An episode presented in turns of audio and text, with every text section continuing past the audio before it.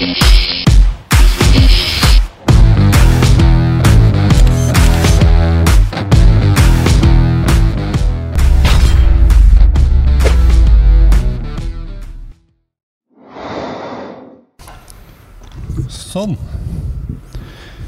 Da er vi i gang, Andreas. Igjen.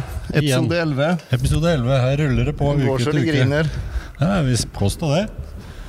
I dag har vi med oss en eh, direkte på en uh, liten kar fra Horten, egentlig. Ja. Ja. Så uh, Tor Martinsen. Bobby-Tor, som jeg kjenner han som fra gammelt av. Ja, ja, ja. Kalt. Det er nok ikke det verste, nei. Så jeg tenker kanskje Tor kan presentere seg kort med noen ord sjøl først. Så Ja, som sagt, Tor Martinsen. Jeg har vel vært i dette miljøet her siden begynte å trene i 1973-74. Stilte i min første konkurranse i 75. Og fungerte som ja, aktiv, trener andre, PT, dommer. Og ja, generelt interessert i sporten fremdeles, selv om jeg ikke lenger er aktiv. ja, Du er jo aktiv på den måten at du trener fortsatt. Jeg eh, trener sjøl ennå, ja. ja. men eh, ikke med samme mål som jeg en gang. Nei, nei, nei. nei. Men, eh, når jeg begynner å bli såpass voksen som jeg er, så forandrer man liksom ambisjonene etter Ja. Det er liksom ikke om å gjøre å bli størst og best lenger. Liksom. Det er om å gjøre egentlig Ja. Det er på en måte nå det teller også ganske mye i forhold til det er sånn- livskvalitet. Det er nettopp det som jeg pleier å si. sånn at det Før så var det piker, vin og stang, liksom. Nå er jeg så glad i regelmessig. Så det må sette litt sånn Det må nesten sette Ja. målet der hvor du har det, liksom. Ja, absolutt. Og det, det kan vi jo skrive under på sjøl. Vi begynner å bli voksne sjøl. Og disse målene ja, Selv Andreas uh, reiv jo til her i fjor. Han var jo med og ble norgesmester, så det var jo det. det er, eh, det er, eh, det er rått. Ja. Men, eh, men bortsett fra det, så, tenker man vel eh, Jeg merker i hvert fall det sjøl, at jeg tenker mye mer på det å ja, selvfølgelig se bra ut. Det, det, det kan jeg ikke legge under Den noe som som sier helst. noe annet når de driver og trener, Ja. ja. liksom gjør det liksom bare for å føle seg bra. Nei, Bullshit. det er Ja, bullshit. det- det er rett og slett. Vi gjør det pga. utseendet. Ja, Ja, det er gjør vi. Men, men en veldig god uh, annenplass, det er jo på en måte det å kunne fungere i, eh, i dagliglivet. Det er en god med- bivirkning, kan man si. Det er en veldig god bivirkning. Uh, Med unger eh, og, og kjærester og familier og altså det greiene der sånn. Det, det å være i form, det har altså Det fins ikke noe bedre. Det, uten tvil. Men dette Og- her med kroppsbygging, det er liksom ikke noe man gjør, liksom sånn. det er egentlig bare man, noe man er. For Det blir en livsstil, og du kan se det er like naturlig som å kle på seg liksom det at man går og trener. Det er ikke noe sånn som på mitt del. Liksom. Jeg er jo så heldig i disse tider spesielt at jeg har bra utstyrt gym hjemme. Ja. Og det er ikke bare bare det, for det er en tendens til at det- nå om dagen som det ikke er så jækla mye å finne på, så går man i kjelleren og trener. Og det å overtrene, for eksempel, det er mye lettere enn noensinne. Liksom. Ja. Så det er lettere Ja, ja, i hvert fall for deg som har et fullfungerende gym i kjelleren. Jeg, jeg så Linda og kona di la ut noen bilder her om dagen, og jeg bare What? Det der var Det har vært mange tilbakemeldinger på den måten. Ja, det, det tror jeg liksom. Kan jeg komme og trene? Ja, ja. Det er her jeg kunne egentlig gjort penger, vet du. Men Det eh, du. det er som kona mi pleier å si også, du kommer aldri til å bli rik. Nei, nei. Det. Det kan jeg si det samme. Det er noe med en passion. Jeg har jo passion for yrket mitt. Og, og selv om jeg aldri blir rik på det, så blir jeg jo rik på opplevelser og det å kunne leve av ting jeg elsker å gjøre. Ja, men det er der jeg også har Ja. nemlig for at det, Som sagt, jeg har jobba som PT. Jeg drev eget firma som PT liksom, og skulle liksom ta betalt. Men når jeg begynte en gang i tiden, så var jeg så heldig å treffe en som het Sjur Hall. I Norge så hadde vi tre gode crossbyggere. Det var Sjur Hall, Ludvig Ingebrigtsen og Lars Lunde. Jeg ble god eh, venn med Sjur. Vi er fremdeles beste kompiser. Jeg treffer ham stadig, tar en kopp kaffe, vi sitter og prater om gamle dager. Og de historiene blir jo bedre og bedre for hver gang. Det var ikke bare hvor gode vi var, liksom. Det er på. Men det jeg lærte av Sjur den gangen det vil si, Jeg har jobba for ham, jobba på gym og så alt mulig, men jeg har aldri betalt en eneste krone for den kunnskapen. Og det er det som ligger her inne hos meg. Mm. Jeg klarer ikke å ta betalt. For jeg, synes, jeg lever og brenner sånn for denne sporten. Ja. At det, Hvorfor skal jeg ta betalt? hvis jeg hører PT ta 600 800 000 kroner timen. Ja. For hva? ja. Har man faen ikke peiling. Nei, alle er jo. PT i dag, bare man har eh, prøvd seg på en konkurransediett. Så det tenderer jo til å kalle seg PT og osv. Så, videre, så Coach. og coach. Ja, så, så, så det er ikke noe vanskelig å, å, å forstå det. Og jeg har jo på å si, opplevd deg flere ganger på trening hvor, hvor det Altså, du klarer jo ikke å la være. Nei. Ikke sant? Altså det, øh, jeg er litt sånn sjøl òg, men jeg, på ingen måte i din kapasitet. Men det er liksom sånn hvis jeg står og trener, og så, så står liksom to bare liksom og Så går det liksom Ikke noe frekt, ikke noe, ikke noe bare sånn Ja, Klasbu. Og så kommer det en Jeg, jeg har blitt litt flinkere. du har blitt litt flinkere, men, blitt litt eh, men, men jeg syns det er kjempeverdi i det. Det men jeg, jeg gjør det på litt annen måte. Mm. Hvis det er noe jeg ser som er helt riv ruskende, helt hoppende gærent, Mm. og det er fare for liv og helse, Ja, ja. så går jeg bort og sier at eh, Unnskyld, kan jeg få gi deg et lite tips? Ja. Jeg begynner der. Ja. Ikke sånn Ja da, det, det blir jo litt annerledes. Altså, jeg kjenner deg jo, og du vet jo mer om meg og mine interesser. Så når du observerer at jeg synes, Har du allerede et bilde på ok, han Klasbu han vil egentlig det og det? Hvorfor gjør han det da? Ikke sant? Og så, jeg, jeg husker du, du sa en gang en sånn, det kom en sånn tirade med, i forhold til vekter. Altså Hvis du skal legge på deg muskulatur, Jon Nå har du kjørt med den 20-kilosen der. Ja, da er du ferdig med den. Neste gang skal du ha 20,5 eller 21. det er jeg bare "Eh, Hæ? Ja, men Ikke sant? Jo, men det er jo logisk, ikke sant? Men Veldig logisk. for at du ser at Hvis du gjør det som du alltid har gjort, så blir det seende ut som du alltid har gjort. Ja. Det må en form for progresjon til. Ja. Ikke nødvendigvis det at man trener med tyngre vekter, men man må øke intensiteten på en eller annen måte. Det er liksom alfa og omega. Mm. så, ja. Og det Så den treningsøkta som du hadde i går, den er historie. Den skal aldri gjentas. For den har gjort jobben sin. Så det er neste treningsøkt du skal se fram mot nå. Hvis ikke det har skjedd noe fra forrige treningsøkt til neste, så har du ikke bygd muskler. Nei, ikke sant? Ja, Det er det som er liksom viktig med disse treningsprogrammene, at de lever hele tiden. Og man må liksom analysere hva gjorde jeg da? Har jeg restituert?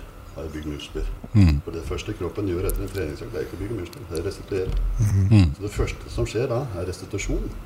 Og når kroppen da er fullt restituert, da begynner den å bygge muskler. Mm. Hvis du trener i mellomtiden, så er det hele tiden restitusjon. Og da ligger du på den 20 kilosen din Ja. år ut og år inn. ja.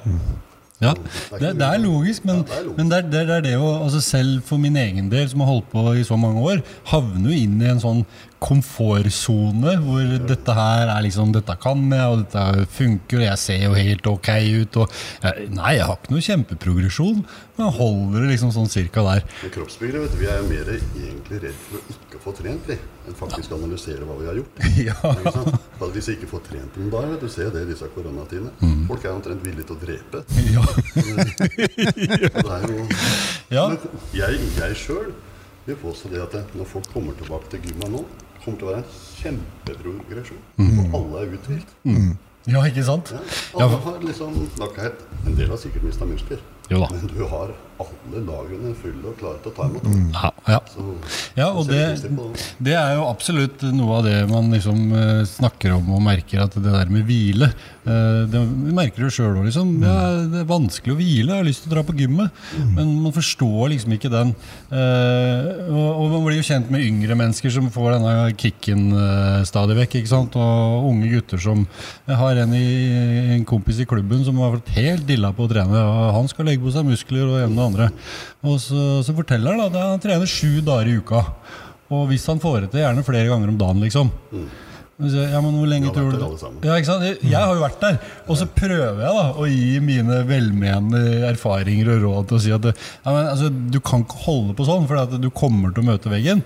Uh, ja, nei, nei, herregud, det klarer jeg. Og så går det ikke sant, 14 dager, og så blir det sånn Vi klarer det. Og du kan si at det, Nå vet jeg ikke hvordan kompisen din ser ut her, sånn, men Neida.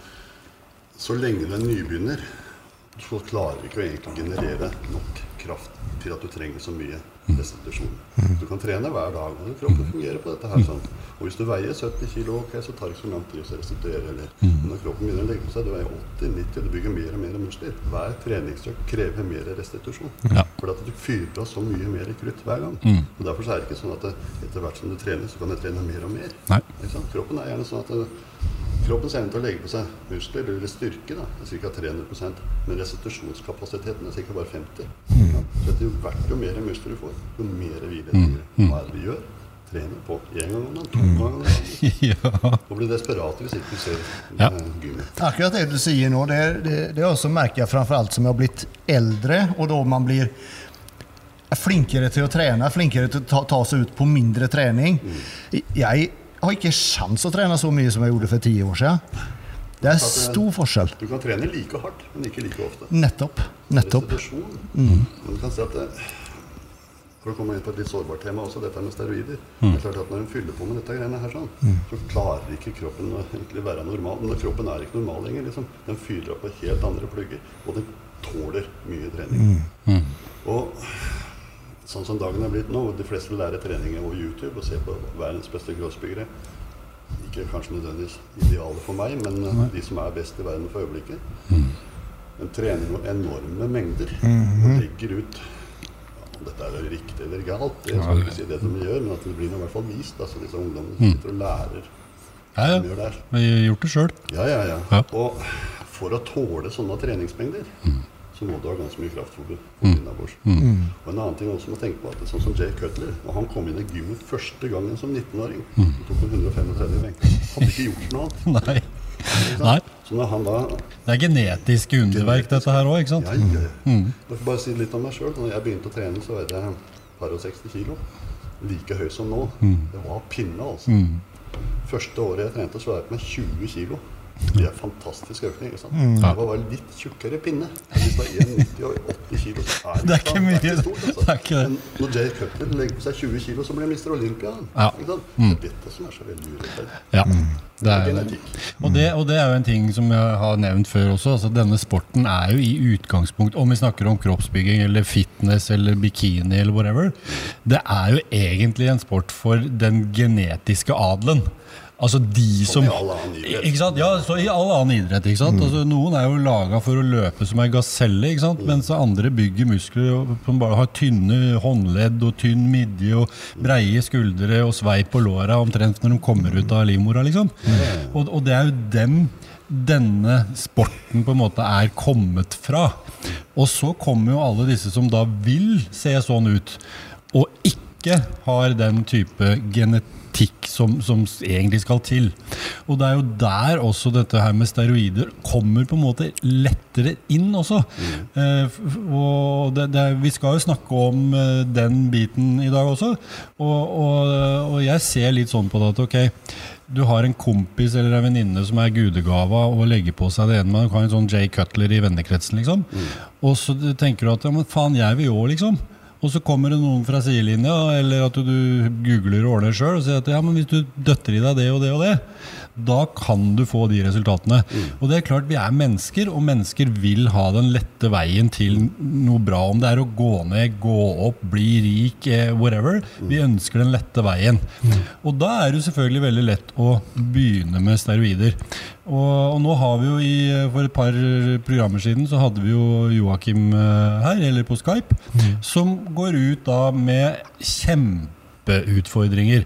Eh, Problemer med, med syke, med kropp, med, med alt, ikke sant?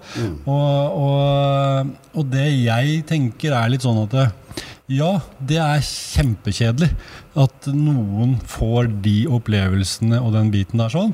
Men så er det liksom en stor del av de som vi kjenner og har trent med over i mange år, som faktisk har valgt å bruke eh, steroider, men kanskje på en litt annen måte.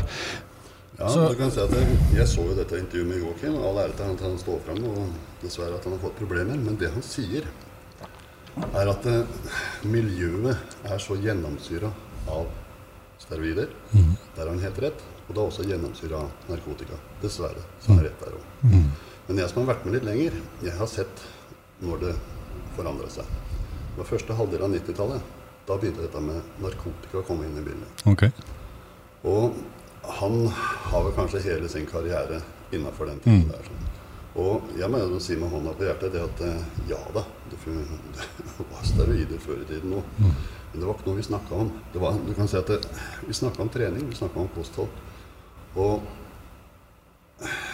dette med steroider, når det kom inn i bildet sånn, liksom sånn, så veldig sånn at det ble nesten synonym med kroppsbygging. Da tenkte jeg disse svære baggypantsa som vi gikk med før i tiden, liksom, mm. det blir kalt for bolebukser. Sant? Og hvis det er en som har noe antydning til musklene, så blir det kalt for boler. Ja. For at det er blitt synonymt.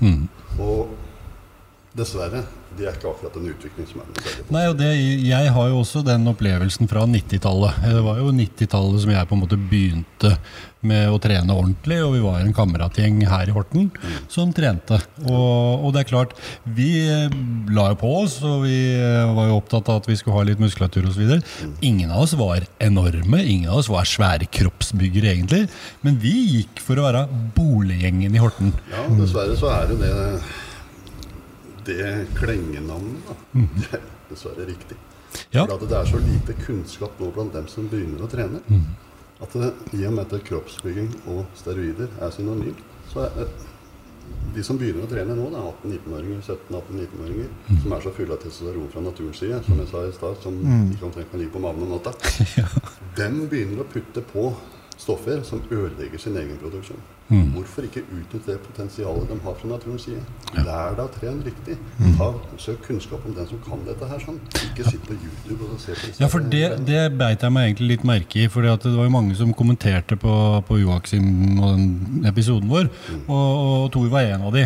Og, og som han sier der, at ja, men folk har glemt det å trene.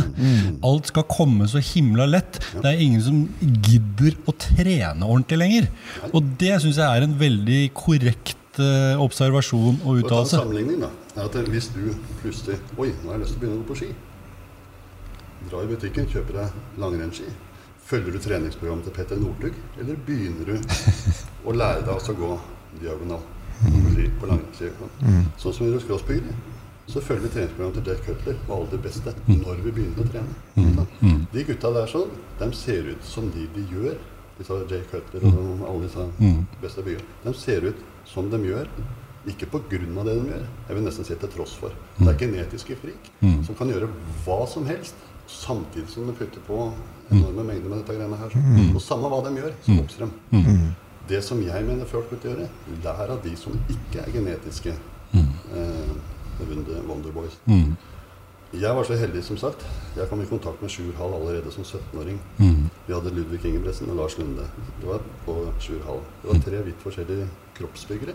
Gode kompiser, men de måtte trene på litt forskjellig måte. Jeg vil si Ludvig og Lars var kanskje de mer genetiske. Alle de, mm. mm. med. Sjur var den som måtte bruke hodet. For han hadde ikke den evnen til å legge på seg mye muskler. Så han brukte huet. Og dette her var jeg så heldig å bli ta en del av og lære. Jeg bodde jo hjemme hos ham. Jeg bodde på gymmet, han sov i sovepose om natta.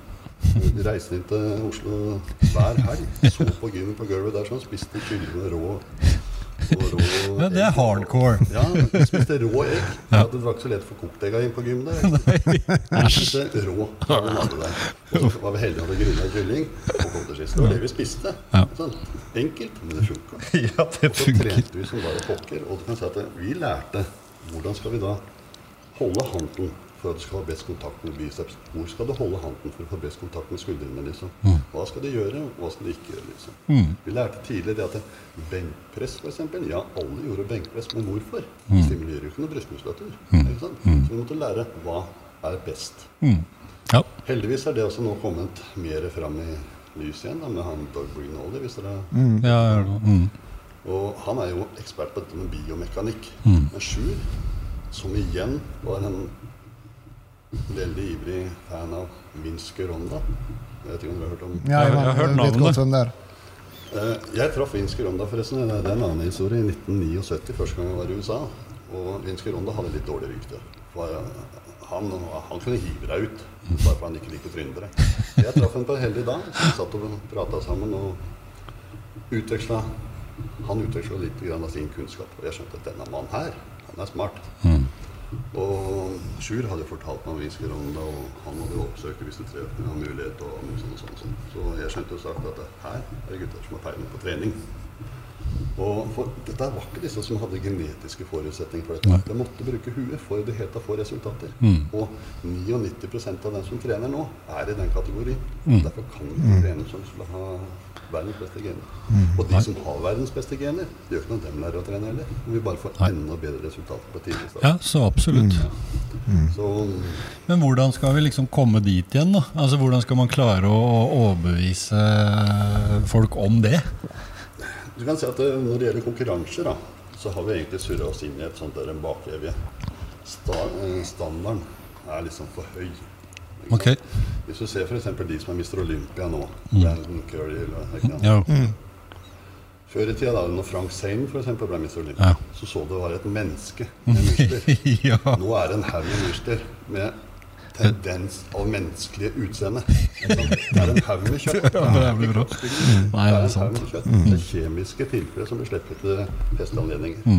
Og det har ikke noe med kroppsbygging å gjøre. Kroppsbygging i utgangspunktet, da skal du legge på deg muskler der hvor det trengs. Alt skal ikke vokse. Sånn som nå, du ser jo at det er noen med setemuskulatur. Det ser jo ut når du ser dem bakfra, ser ut som en ryggsekk langt ned på ræva. De ser jo ikke ut. Dette her skal være idealet for folk som begynner å trene. Hvem er det som vil se ut som det der? Nei, ikke sant? Jeg mener de beste byggerne i verden skal være forbilder. Skal gjøre at du får lyst til å trene. Jeg så et bilde nå som lå ute på Facebook. En som sto da med rumpa bar bakfra. Det er det verste jeg har sett. Hadde jeg ikke visst hva som skal til for å trene, og trodd at det var resultatet hvis jeg begynte å løfte vekter, hadde aldri verden gjort. Jeg hadde gått ut og kjøpt meg joggesko. Altså. Ja, ikke sant? Og, og, der, og der har man jo også igjen den derre Veldig mange som sier at eh, Ja, men jeg vil ikke, jeg vil ikke ha sånne muskler. Og så, tenk, så, blir, så blir vi litt provosert med en gang. Og så blir det sånn Ja, men herregud, du får jo ikke muskler bare av å gå på gymmet, liksom. Men det er jo litt som du sier, da. Da har de kanskje sett bilder av sånne freaks, da. Og så tenk, du rekker å stoppe bleia si. ja, ja, ikke sant? ja, det er ikke noe vanskelig, det. Men man kan kanskje forstå litt mer den, den første reaksjonen. Da, hvis man har sett noen sånne bilder med ei rumpe som står i alle vinkler med striper opp og ned. liksom. Sånn vil ikke jeg bli seende ut. Ikke sant? Og, men, det vil ikke jeg heller. Men jeg vet jo at det skjer heller ikke over natta. Uh, Eh, en interessant ting er det for noen år siden det der amerikanske eller kanadiske bladet Muscle Mag gjorde en undersøkelse, undersøkelse blant sine lesere. Og det er et sånn hardcore-blad. At eh, hvis man kunne velge Da var det mens Ronny Coleman var på topp. Hvis du over natta kunne velge hvilken fysikk du kunne få, hvis du bare kunne velge, hvem hadde du valgt? Det er litt ting å tenke på at Steve Reeves vant. Ikke sant? Ja, ikke sant. Og dette er blant hardcore lesere. Ja. Så Ronny Coleman var ikke noe ideal. Nei. Han hadde kanskje 7-8 av stemmene. ja, ikke sant? Steve Reeves var førsteplass, og Frank på andre. Ja. Og det, det vil jeg si at de gutta der er veldig like sånn som classic fysikk-klassene holder på nå.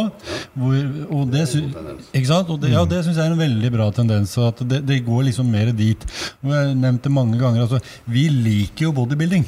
Eh, vi syns jo det er mer gøy å se på. Jeg som fotograferer og filmer dette, syns jo det er en helt annen verden og av, av moro å fotografere flotte hardcore byggere. Men ikke sant den må være klassen estetisk Det må være altså. estetisk, ja. Jeg har liksom sagt ofte at det, ja, altså, Mister Olympia ok, det er et freakshow, en sirkusverden ut av milde og annet. Så. Gre- Greit nok, det er for spesielt, ikke sant?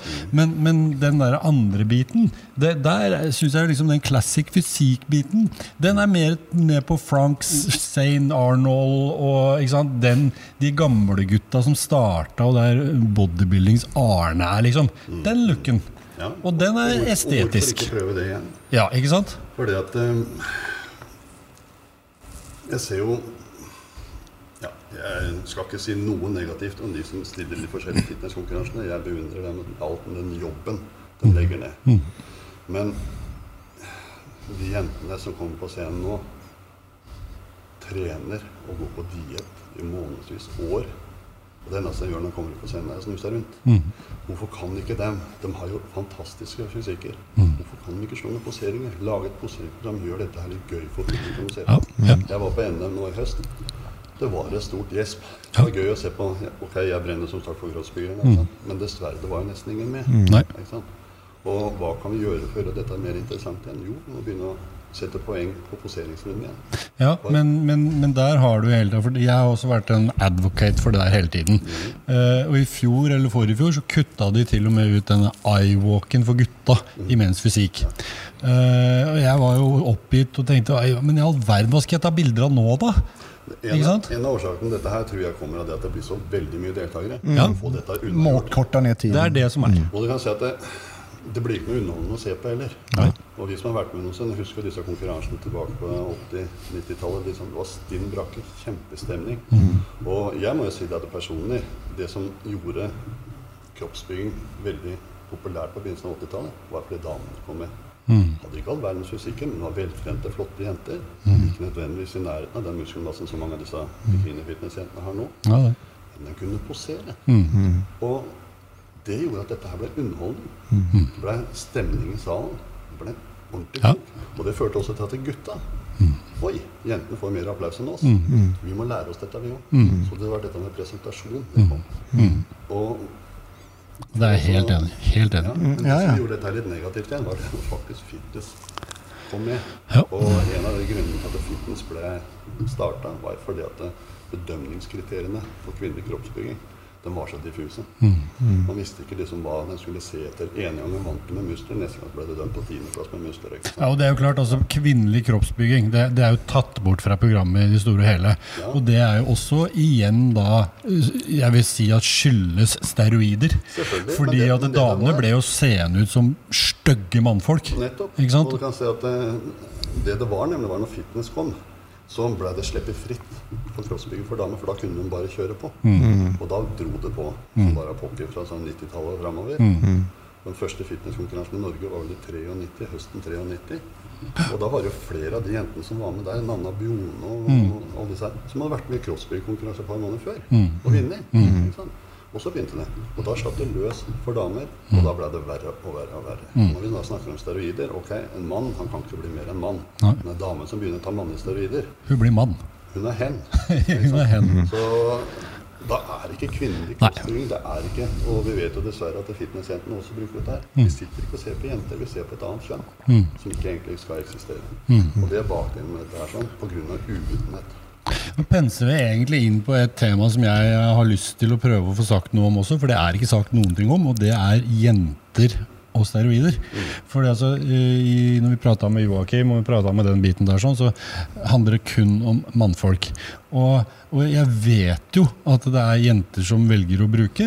Og, og, og jeg har sjøl vært borti mange ganger hvor jeg har fått spørsmål om jeg vet noe om liksom, ja, men hvis jeg gjør sånn og sånn, hva slags øh, skader og bivirkninger kan jeg få av det? Ikke sant?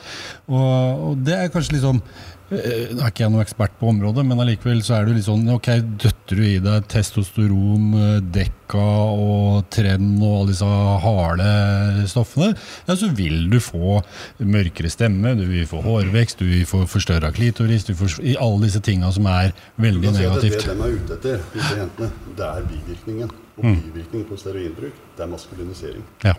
Og det er det som skjer når de får disse eh, stoffene i kroppen. Mm. Og jeg skal ikke si hva som blir gjort og ikke gjort som blant nå, det har jeg ikke noe bakgrunn for, men det går visse rykter. Og jeg har jo også snakket med folk som er hardt inne i miljøet, som jeg husker det var en konkurranse jeg så på i Sandefjord. Og det var en som kom bort med Kan ikke du se på hun her sånn ja, Jenta var kjempeflott. Hun har ikke trent med en halvt års tid. Kjempefin. Men jeg så jo Hun kommer ikke til å ha noen sjanse. Nei, sa han. Hun velger å ikke bruke noe. Så da liksom fikk jeg sånn Mener du da at resten av klassen bruker liksom? Ja. Fitnessjenter. Ja. Ikke sant? Og Ja. dessverre, det er synd. ja, det er eh, Veldig synd. Det er det. Jeg ser kona mi Hun hadde jo også et supertalent når hun begynte å trene i 1984. Jeg så det veldig fort at det her var et potensial. Mm. Og hun var tidligere turner på hennes aldersnivå blant Norges beste. Og jeg kan med hånda på hjertet, selv om det har gått mye andre rykter, si at hun har aldri toucha noen form for steroider. Ja, ikke sant. Hun klarte å bli juniorverdensmester Og junior europamester. Og vant NM to ganger. Ja, det er helt Uh... Uten å touche noen ting. Den dag i dag så har hun problemer med å ta en Paracet. Ja, ikke sant. Ikke ta medisiner. Så Stoppe. Jeg må stoppe kameraet litt. Allerede gått så lenge? Ja. Herregud.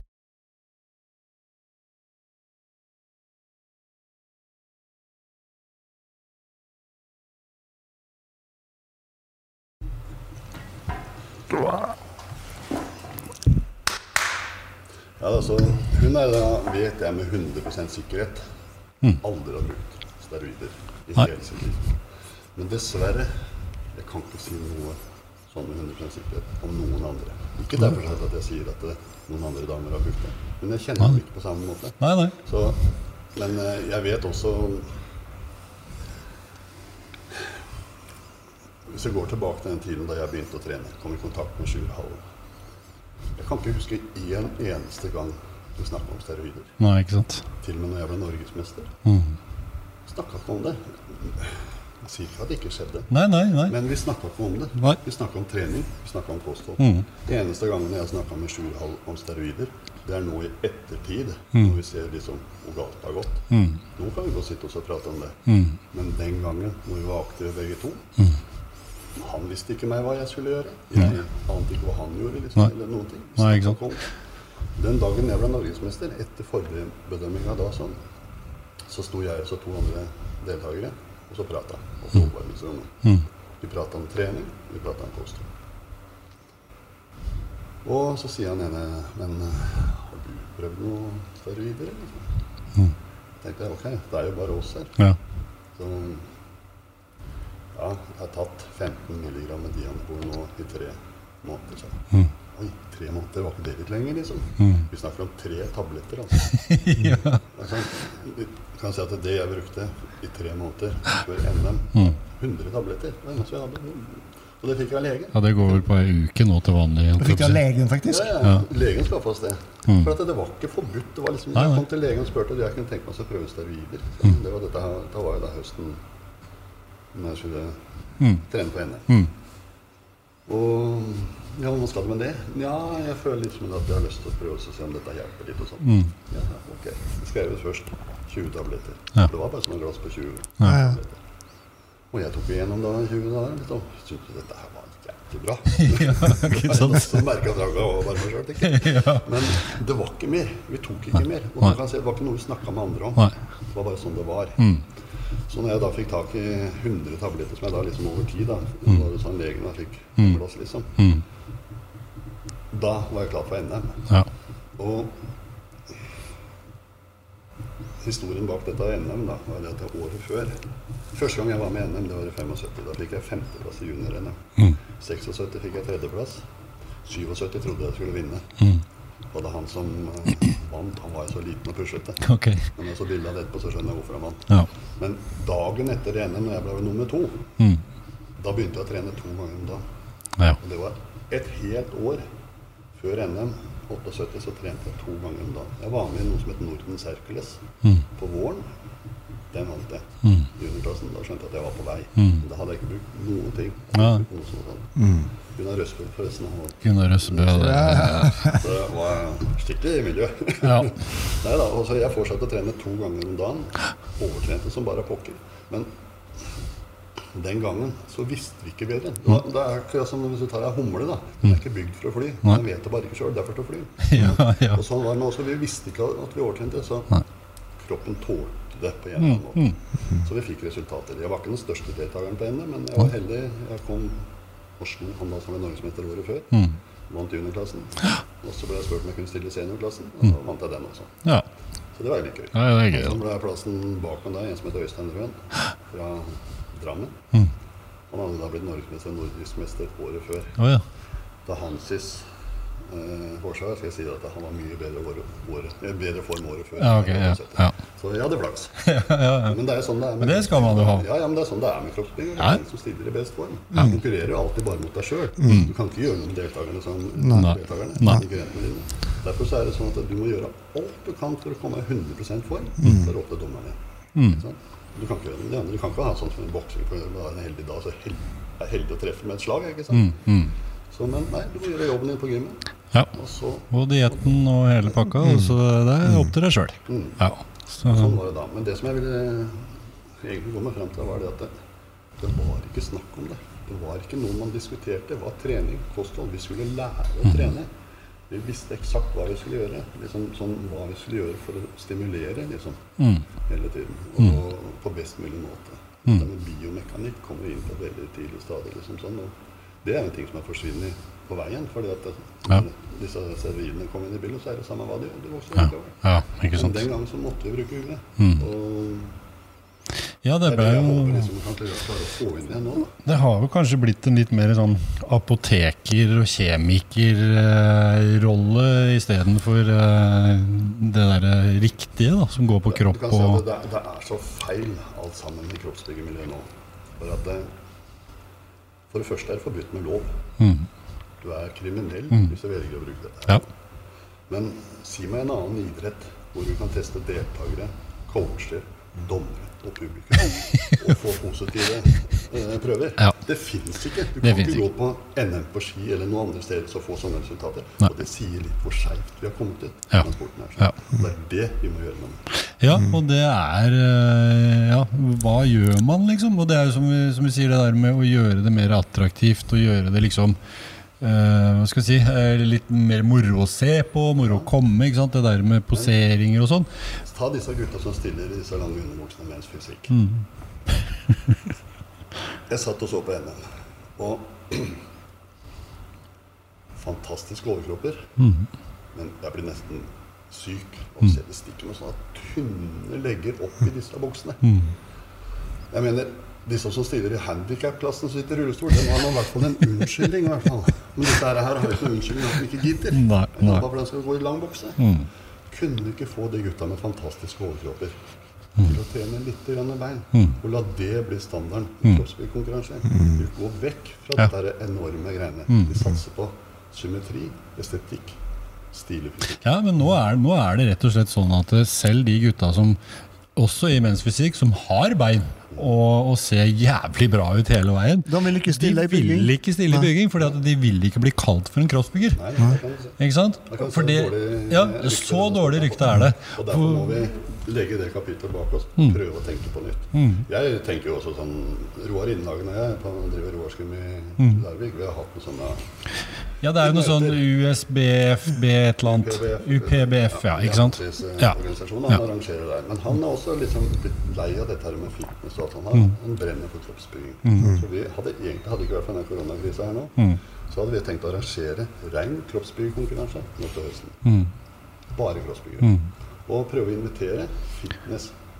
At det er Jo, for, den delen. For det, det, det vil bare skyte inn litt der i forhold til akkurat det der og det forbundet der som Og all ære til å satse på å prøve å få til noe. Men når man går på den konkurransen i det forbundet, så er det jo ærlig talt som å komme tilbake i 70-tallet i forhold til stil og look og de som er der. Det er noen eldgamle gjenger med engelskmenn og osv. som har holdt på med dette her i århundrer. Det er ingen nye, det er ingen unge. Ingen. Og ingen nordmenn, ikke sant? og, og da blir det litt sånn jævlig tungrodd. For når du kom, hvis du kommer fra IFBB-forbundet og den biten som vi da tilhører mest av, da, eh, hvor vi er vant til eh, flotte lokaler, masse deltakere, ikke sant? og dette her sånn, så kommer du dit og så blir det sånn Er dette for noe rare greier? Jeg er helt enig. For det, det som vi må prøve å få til der, er å få dette tilbake igjen. Der vi egentlig, den gangen vi klarte å få kroppsbygging på beina i Norge, så hadde vi konkurranse på diskoteker. For der var det folk i god stemning. Jeg husker den første konkurransen jeg var med på på Chivago i Oslo. Vi poserte ute på dansegulvet. Vi måtte gå gjennom publikum. Du skal være glad du stadig hadde buksa når du kom over Der var det mange som hadde på fingeren. Av begge kjønn. Så det var veldig. Det var kjempestemning. Ja. Og det var i våren 77. Mm. 78 fikk vi lov til å stå på scenen der, og da gikk det litt bedre. Ja. Men det var da den Slapp å bli dratt av buksa, i hvert fall. Og så hadde vi da året etterpå, våren 79, da hadde vi også konkurranse der. Da debuterte, debuterte forresten eh, Viggo Snoge. Gjorde du det, ja? Å ja. Yes. Sistemann i klassen sin. Ja, han trente hos meg. Ja, ja. Det der, Viggo er også en eh, influensør på han. Ja. Jeg jobba da i Horten svømmehall. Han gikk på Horten gymnas, og jeg traff jo han da i Han tok kontakt med meg, for han var jo da der i svømmehallen. Ja, ja, Og jeg så potensialet hans. liksom, at eh, Mm. det er noe jeg har liksom, Så jeg begynte å trene litt og sånn. Mm. Så Viggo og jeg var kompiser hele dagen. ja, ja. ja for Og jeg han har klart seg ganske bra. Ja, ja, ja. Ja, der har du gode gener igjen, da. Ja. Ja, men Viggo Eller? Jo, men ja Han hadde strukturelle problemer. Han var brei i hofta, lang i håra, brei, litt brei i midja. Men ved riktig trening så klarte han å skjule dette her veldig godt. Og Viggo, han hadde et hue som var så skrudd på når det gjaldt dette greiene her. sånn. Han- Han ville så utrolig mye. Så om han ikke hadde de genetiske forutsetningene, så hadde hun. Ja. Så enda så jeg kan sammenligne f.eks. med han liksom sånn eh, Den parten der som er Arne Schwarzenegger. Han var så skrudd på huet når det gjaldt dette her. Sånn. Jeg husker jeg satt sammen i en av Sjurhall og så på Pumping Iron, for han hadde den på video. Ja. Og Viggo han satt akkurat han Du liker ikke snakke den. Ja, han var helt sånn. Han var helt der. Da jeg venta her Han kom til å bli med. Ja. Det ble han. Ja, ja, ja, ja. Så han mente som besatt. Og det fine med Viggo var det at du kunne si 'gjør sånn, Viggo'. Og så gjorde han det ja. helt til du sa noe annet. ja. Han, var ikke, han, han stilte ikke spørsmål. Nei. Han bare gjorde det han fikk mm. Ja. Og det er jo sånn som jeg opplevde Sjur Hall også. For Sjur han kunne gi deg skjorta si, han altså, hvis du bare gjorde det han sa. Mm. For jeg husker jeg bodde inne hos ham og jobba på gymmet hans. Han betalte leiligheten min oppe på Majorstua. Okay. Han kom og henta meg hver morgen. Han spanderte lunsj på Statshotellet, liksom. Han kjørte meg hjem igjen om kvelden, liksom. Ah. Alt. Og jeg, jeg fikk til med lønn. Yes. Og han er sånn. Ja. Men eh, det var fordi at det, Jeg hadde kanskje ikke de genetiske forutsetningene heller, men han så at jeg hadde et eller annet. Han så at jeg hadde den driven. Mm, Ja, det ville. gjorde det som han sa. Mm. Og hvis vi går tilbake igjen til Vinske Ronda, han var jo også den typen som at eh, han krevde at du gjorde det som du sa. Mm. Mm. Hvis ikke, så ble det hivet ut av gymmet. Da hjalp det ikke om du var Mr. Olympia eller Mr. Universe. Hvis ikke du gjorde som han sa, du hadde ikke noe Jeg gidder ikke kaste bort tid på deg. Nei. Ut. Mm. Eh, Litt artig sånn som Tommy sa når vi spurte litt i forhold til hvordan han gjør det med atleter og sånn. eh, Som jeg sier, jo, hvis de har driven, de, og, og jeg spør om de vil dette, og det er liksom 80 i hvert fall yes, dette vil jeg, da kan jeg hjelpe dem med de 20 ekstra. ekstra. Men hvis de er bare sånn halvveis interessert, og hvis de begynner å mase på meg når jeg setter opp dietter og treningsprogram til dem, ja, men kan jeg ikke spise litt cottage cheese, ja, men kan jeg ikke ta litt knekkebrød sånn, kan jeg ikke spise litt brød sånn? Så sier nei, fuck off! Det har ikke det her å gjøre. Nei, du skal gjøre som jeg sier, og så er du ferdig med det. Vi Ja. diskuterte ikke dette her. Sånn. Nei. Ikke sant? Og det er vel kanskje en bakdel med mange av disse coachene. er at eh, de setter opp for mye, som sa de klientene dem, eller hva skal vi kalle dem. De lærer jo ingenting sjøl. De er jo bare fjernstyrta. ikke sant? De går jo bare rundt som sånne zombier og gjør det de har fått beskjed om. Det, det er vel og bra det på en måte, sånn, men at det, de må ha en litt kunnskap. Så, Ja, interesse. ja, jeg har slutta å trene folk for konkurranser. Mm. For at det, jeg er mer opptatt av så lære dem. Mm. Lære dem hva de skal. Mm. Man kan godt hjelpe dem for eksempel, med noe sånn hvis en eller annen spør. Mm. Men det er sånn ren coaching. At det går liksom sånn på autopilot. Mm. Liksom sånn at de ikke egentlig har peiling på hva de gjør. og Nei, jeg vet, jeg vet jo, du er, du er jo engasjert når du først treffer noen og ser noen som, som gir alt og har interessen og sånn. Det, det, det vet jeg jo. og Du er jo en del på Mekka i Tønsberg, og det er jo flere av de unge der som skal konkurrere osv. Ja, ja. Og alle de refererer jo til deg som ja, 'Tor, hjelp meg litt', og 'Tor sier ditt', og 'Tor sier datt'. ikke sant? Og det er jo kjempe, kjempebra. Det bør jo ikke si at du har noen coachrolle, men at Nei, du, du deler av din lange, lange erfaring og all kunnskap. Ja, Det syns jeg er bra. Og det er det som jeg liksom har presisert i alle år. da, At eh, å lære bort Mm. At jeg kan si at du skal ikke være den som drar dem i gang. Du skal Mm. lære dem å bli selvgående. Og da er det dette her helt fra starten av å vite hva du skal gjøre, og hvorfor du gjør det, Mm. som er veldig viktig. Nettopp. Og det er som jeg sier også, at det, hvis noen kommer og begynner å snakke med steroider, Mm. og ikke snakke om det. Vi kan snakke om trening, vi kan snakke om kosthold. Det er så utrolig mye å hente i det hvis du kan det greiene der. Sånn. Hadde steroider. Det, det er toppen. Det er pøntinga på bløtkaka. Ja, det, er toppen. Eh, eller det var. Ja. Det, det er jo ikke det lenger. Nå Det beste hadde vært hvis man hadde kunnet kutte det ut i det hele Ja, tatt, eh, Vi må leve i en verden som er reell også, og dessverre Ja. så er vi på det nivået. Men Ja. sånn som det er blitt Mm.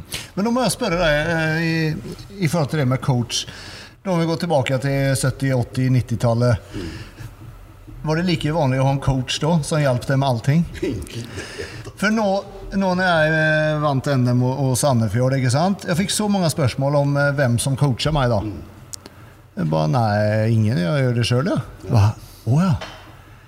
Det, eh, det er liksom uvanlig at man gjør ting selv. Ja, det er ikke vant til å bruke huet. Det er kunnskap. Kunnskap. Det er alt for meg. Ja. Det gjelder alt. Sen selvfølgelig så, så jeg hører jo og, og, og liksom tar til meg informasjon som jeg som noen sier som jeg eh, syns virker, virker ålreit. Og kanskje jeg prøver ut noe der, men, men, men i bunn og grunn så er det jo det jeg selv har lært meg, og, og, det som jeg vet funker for meg. og Mm. Altså, I bunn og grunn så skal vi vite at det vi gjør i gymmet, det skal stimulere. Det skal stimulere en prosess. Og den prosessen må la kroppen få sjanse til å utføre ved at den hviler og får næring. Ikke sant? Og på den måten bygger du muskler. Og vi har forskjellig tåleevne på stress. Noen kan trene mer enn andre. Men de aller fleste trener uansett for mye. Trener altfor mange øvelser. Altfor mange sett. Jeg mener at Hvis du går inn i et rom og slår på lyset, da, så blir det lys. Det blir ikke noe mer lys om du slår på bruteren tre-fire ganger til. Det blir lys, for da, da har du satt i gang en prosess. Og Det er det samme som skal skje når du trener. Du setter i gang en prosess, så må du la kroppen Ja, og det, det er en, en direkte erfaring jeg har gjort meg. i hvert fall altså Sånn som jeg trener nå, så trener jeg én muskelgruppe om dagen. Nå trener jeg på morgenen. Eh, og så kjører jeg gjennom den muskelgruppa, eh, om det er bryst på mandag og skuldre på tirsdag. Da får hver muskelgruppe én uke hvile til jeg begynner på den igjen. Og for meg så fungerer det greit. Nå er jeg voksen, Ja, det eh, og det fungerer for meg ved å holde meg der jeg er. da. Mm. Jeg vet jo at hvis jeg skal ha en superprogresjon, så må jeg nok øke litt på intensiteten osv. Men akkurat det å liksom ha den lange hvilen per muskelgruppe, det fungerer for meg.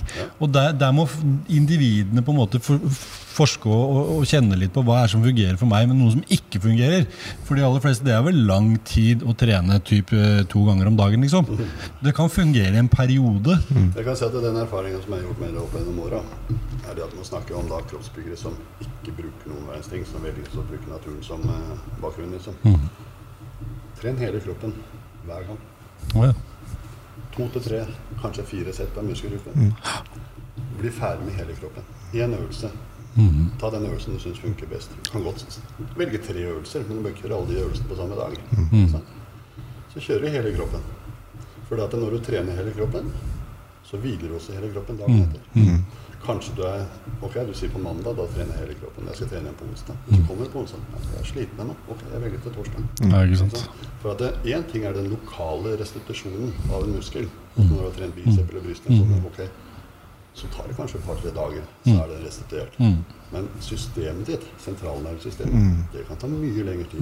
Og hvis du først begynner å kødde med sentralnervesystemet ditt, så kan det være ting som aldri blir i orden igjen. Det Ja, ok. kan føre til utmattelsessyndromer og i verste fall ME, hvis du overtrener. Mm, mm. Ja, Andreas stikker hånda i veien Ja, og sier det, det å For jeg har jo, eh, Før så, så var det liksom det å trene hver muskel en gang i uka, og da knuste du den. ikke sant?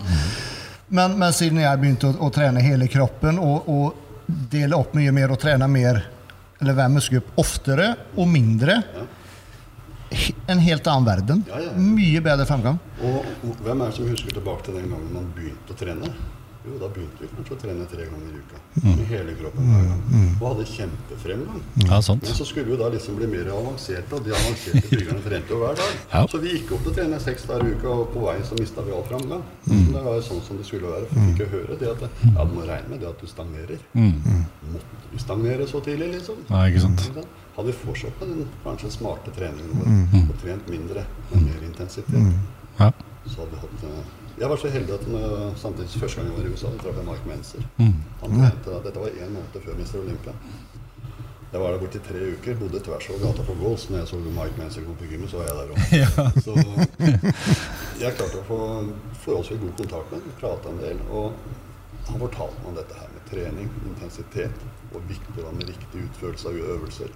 Og ikke mer enn det du trenger. Han trente vel ekstremt lite, gjorde han ikke det? Eh, Etter datidens standard, ja. Ja. Han trente Jeg husker nesten eller hva han gjorde på de forskjellige øktene, for jeg så dette her. Og han trente tre til fire i uka. Ja, ikke sant? Det er på faste dager, for han gikk hele på dette med restitusjon. Mm. Han trente mer da enn det han gjorde når jeg traff ham igjen i 93. Da hadde han jo, men han trente da en tosplitt. Ja, nettopp. han kjørte da fire-fem sett per muskelgruppe. Mm. Litt mindre kanskje på armer. Mm. Men som han sa når jeg traff henne i 93, at da hadde han liksom vært igjennom en litt tung periode for seg sjøl. Og han skjønte jo også til og med han overtrente. Mm. For en vanlig mann i gata, han var et supergenetisk frik. Ja. Men en vanlig mann i gata tåler ikke så mye trening. Så da var han nede på og eksperimenterte med ett sett per muskelgruppe, to sett per muskelgruppe. Mm. Og folk vokste. Ja. Som han sa, at vi har så store forskjeller hva vi tåler av stress. Yes. Så han tok f.eks. og sammenligna dette med Hvis du legger deg på stranda i juli måned, sterk sol Du kan ikke ligge så lenge før du blir brent. Mm. Legger deg ute i januar f.eks., så kan du ligge hele dagen. For Ja. intensiteten er så lav. Ja. Ikke sant? Mm. Og så har vi også og Det er det man snakker da om denne volumtreninga, mengdetreninga, hvor du da kan trene en masse sett, men intensiteten blir for lav til å egentlig stimulere noe. Det samme som hvis du ligger på stranda i januar måned, du blir ikke brun. Mm. Mm. Men grunnen til at du blir brun i juli måned på en fin sommerdag, er for at kroppens forsvarsmekanisme gjør det at du må produsere melanin, som gjør at da kroppen din eh, Melatonin, unnskyld. Så gjør at kroppen din da lager et forsvar mot UV-strålene. Mm. Blir dette her for sterke stråler, så blir du brent. Mm. Og solforbrenning og sånne ting. Mm. Samme er det med treningen også. Du vokser ikke, du får ikke muskler av kosmetiske årsaker. Derfor er det en forsvarsmekanisme med det stresset. Mm. Og hvis stresset blir for stort, så blir du overtrent. og Du blir faktisk svakere og mindre muskler. Mm. Så Derfor så er det viktig at man hele tiden tilpasser treningsprogrammet. Det er aldri noe som heter en dårlig treningsdag. Det eksisterer ikke. Hvis ikke du klarer å trene bedre enn du gjorde gangen før, ok, så er det jo restitusjon. Du skal ikke trene. Mm. Og det er jo fint hvis du trener hele kroppen hver dag. For at ok, jeg trente på mandag, kanskje jeg burde vente torsdag. Mm. Så det er en måte å gjøre på. Jeg har ikke noe mot splittprogrammere. Akkurat det tror jeg det er veldig få som gjør. Altså, altså det er sånn, ja, men jeg skal trene de og de dagene. Kjenner ikke engang på om man er sliten. Man skal på gymmet. Man sitter der, altså Før man da skal trene, så sitter man da helt i svime og så heller man på med sånne Pre- pre-workout. ja. sånn. Kutt ut de greiene der. tatt. Og da, og da blir det bare enda verre når du Mm. Hvis du må gi deg sjøl et kick for å orke å trene, så skal du ikke trene. Nei, ikke sant? Det er ikke sant? Du kan godt ha et ritual før du trener og sitter og roe deg ned og konsentrerer deg om det du skal gjøre. Men hvis du må ha noe ekstra kick av noe for noen piller, eller et eller annet sånt, så er egentlig kroppen din ikke Ja, klar. og i- og I verste tilfelle, når, tilbake til disse som da får store problemer, de går jo på amfetamin Ja, ja. for, for å trene. Ja, ja. Eller- Amfetamin For å få trent, så røyker du en hard skjerpe for å få slappe av. Ja. Så heter det masse steroider, veksthormoner, insulin og alt mulig for å da bygge muskler. Ja. Kutt ut alt sammen. De blir svære, Ja. men, eh, men likevel da, så, så ser du jo da på de eksemplene som kommer fram og står fram og sier hva dette gjør, så er det jo ikke akkurat noe å hige etter, vil jeg påstå. Jeg mener Her bruker en mangfoldig tusen Ja. på å bygge muskler for å vinne en konkurranse. Ja, jeg har hørt om folk som tar lån for å Om en sted. Jeg mener, Hadde du investert så mye penger i noe annet Hæ? For å vinne en pokal til 200 kroner, så tar jeg den i av deg selv allikevel. Hva er vitsen? liksom? Nei, nei, nei. Så jeg mener at helsa må alltid komme først. Mm. Og da må vi bruke liksom de ressursene som kroppen som vi har fra naturens side, og utnytte dem best mulig. Mm. Og da må man ikke gå på tvers av det naturen eh, krever. liksom. Overtrening det er det største problemet blant alle som trener. Liksom. Ja, det syns jeg er en viktig melding å ta med seg. Altså. Ja, for at du ser ut på gymmet. Jeg, trener jo på to forskjellige gym i tillegg til Det eneste stedet jeg ikke overtrener, er i kjelleren hos meg. ikke sant? Men jeg ser det rundt overalt. Det aller fleste som kommer og spør meg hva de skal gjøre, overtrener. De trener altfor mye. Mm. Jeg kan nevne et eksempel. Jeg så ut på progym i sommer. Jeg satt hadde trent Når jeg kom inn på gymmet, så jeg jenta hun drev og kjørte knebøy. Jeg begynte å trene. Bryst, rygg, skulderbein, alt mulig. Var ferdig med hele kroppen. Og hun holdt fremdeles på med knebøy jeg var oh, ja, ferdig. Oh, ja, oh, ja. Og hun var så ferdig, hun var helt bleik. Hun satt der liksom så og så spurte jeg er, har du problemer. sa. Ja, nå føler jeg meg dårlig, sa mm. Da var jeg nettopp ferdig med niende settet sitt i den knebøyen. Og ja, men eh, hvorfor holder du på med dette her sånn? Jo, nei, jeg har nettopp betalt 3500 kroner av en coach som har gitt meg nytt treningsprogram. Knebøy var den første øvelsen hennes. Hun hadde fire øvelser til på framsiden av lår før hun skulle begynne på baksiden. Å, den jenta hadde jo var døden der. Ja. Ikke sant? Hun fikk heldigvis av det. Ja. Hun jenta, Jeg trodde hun var nybegynner, eller jeg så hun var trent. da. Jo, jo. Men hun har jo drevet og vunnet konkurranser og alt mulig. Hun var jo god. Mm. i utgangspunktet. Jeg fikk se hvordan hun så ut i konkurransen. Og tenkte jeg, herregud, med den fysikken der sånn, så har du null kunnskap. Ja, kan du betale 3500 kroner for et sånt treningsprogram som egentlig er ute til å ta livet av deg? Helt Sånn opererer de forskjellige. Ja, det er, og det er skremmende. Og, og, og, der igjen så vet vi også at det, den, den der steroidbiten kommer jo også ofte fra den type eh, programmer.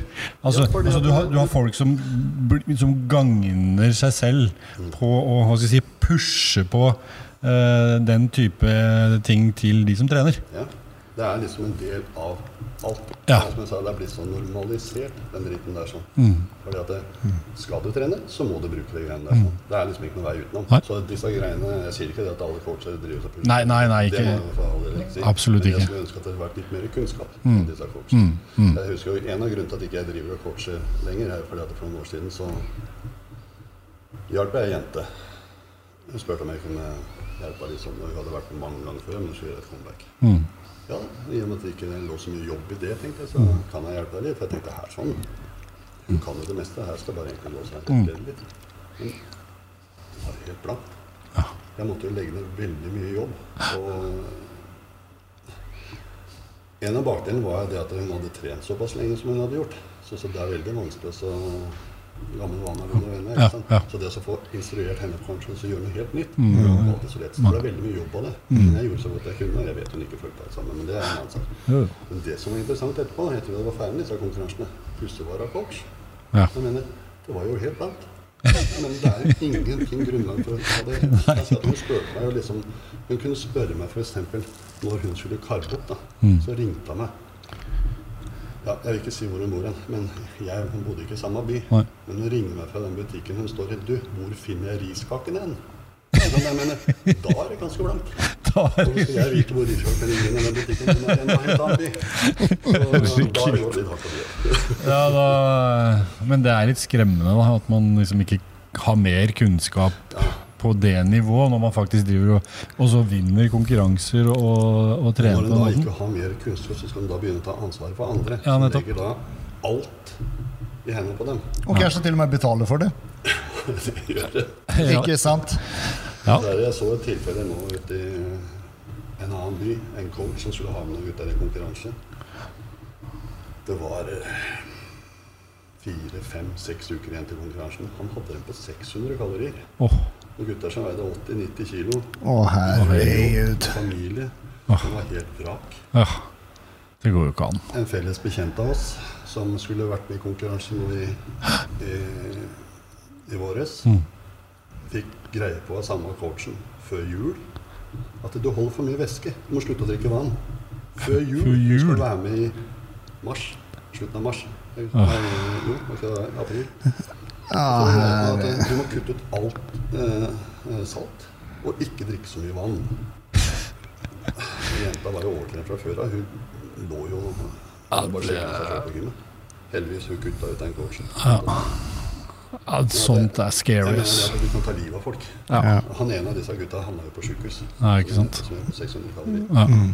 Og Eh. jeg mener at her betaler du dyre dommer, og så får du Ja. er skremmende. Det, er ordentlig skremmende. ja, ikke sant? Nei, det Jeg har hørt noen skrekkeksempler sjøl, og det, Ja. det er skremmende, rett og slett. mener jeg de som begynner å trene, tilegner seg mest mulig kunnskap, Mm. og så heller bare få litt hjelp. Er en sånn. Ja, så er det Men så er det jo eh, de, de som begynner å trene, og som ikke har noen kunnskap.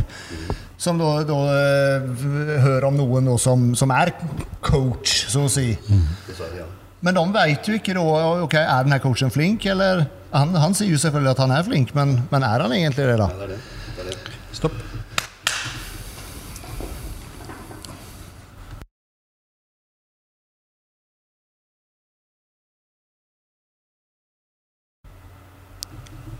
Sånn, da har jeg løpt min runde igjen.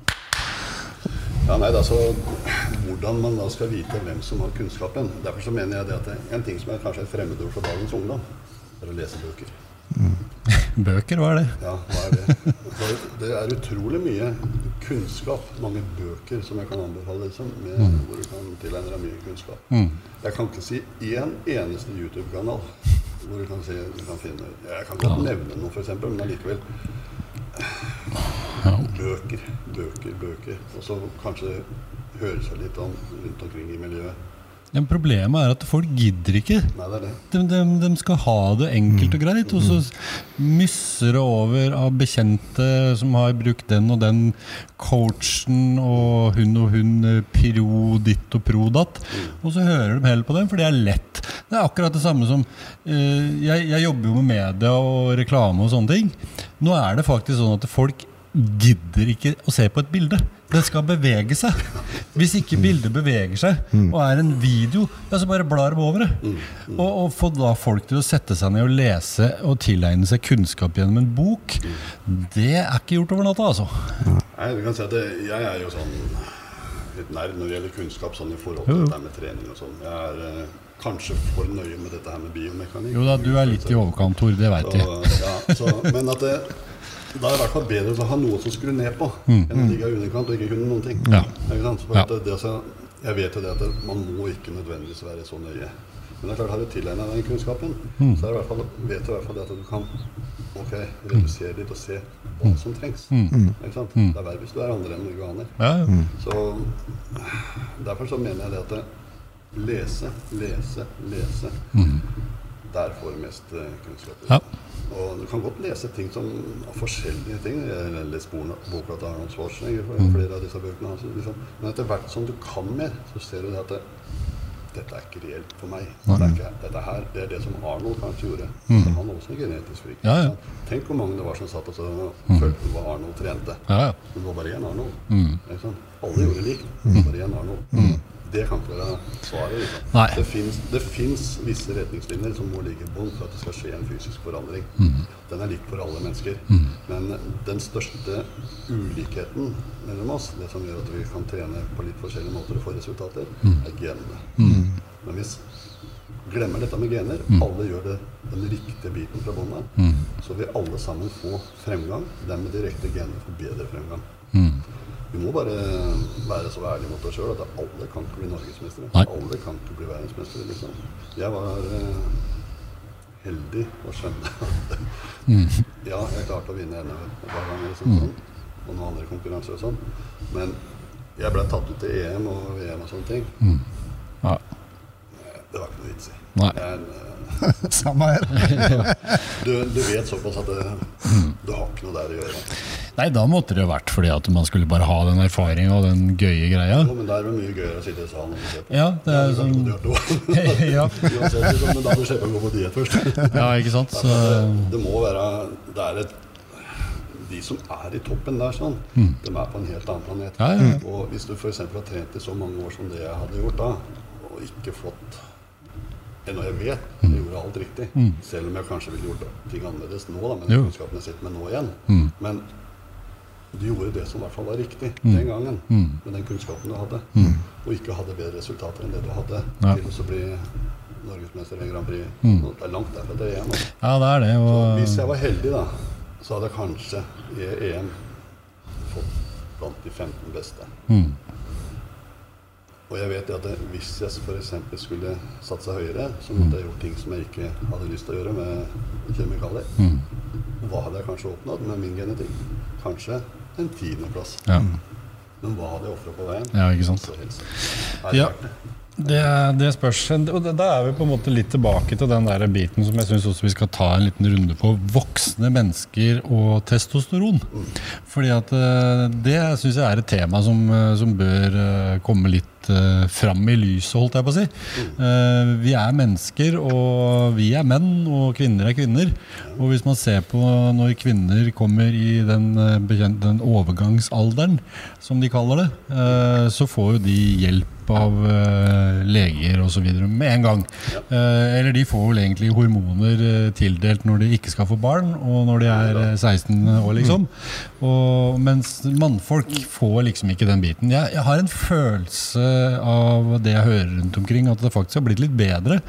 Men Det har blitt bedre, og det ser vi jo på disse her annonsene for naturmidler som skal booste testosteron. Mm. Sånn, som ja, Nå skal ikke jeg ta løsta fra det. men at Jeg vil påstå at det det virker ikke. Det ikke det det Men det er blitt en ganske vanlig del i befolkningen, dette her, og det ser vi pga. at det er sånne reklamer. Mm. Og det er stort blitt et problem, for vi vet at det, produksjonen av testosteron hos menn har gått ned på hver generasjon. Og Det har jo noe med at fysisk fostring arver jo også høyere testosteron. Jo, men vi vet også hvor mange ting som påvirker testosteronnivået vårt. Mm. F.eks. soya, Ja. karbohydrater. Fluer.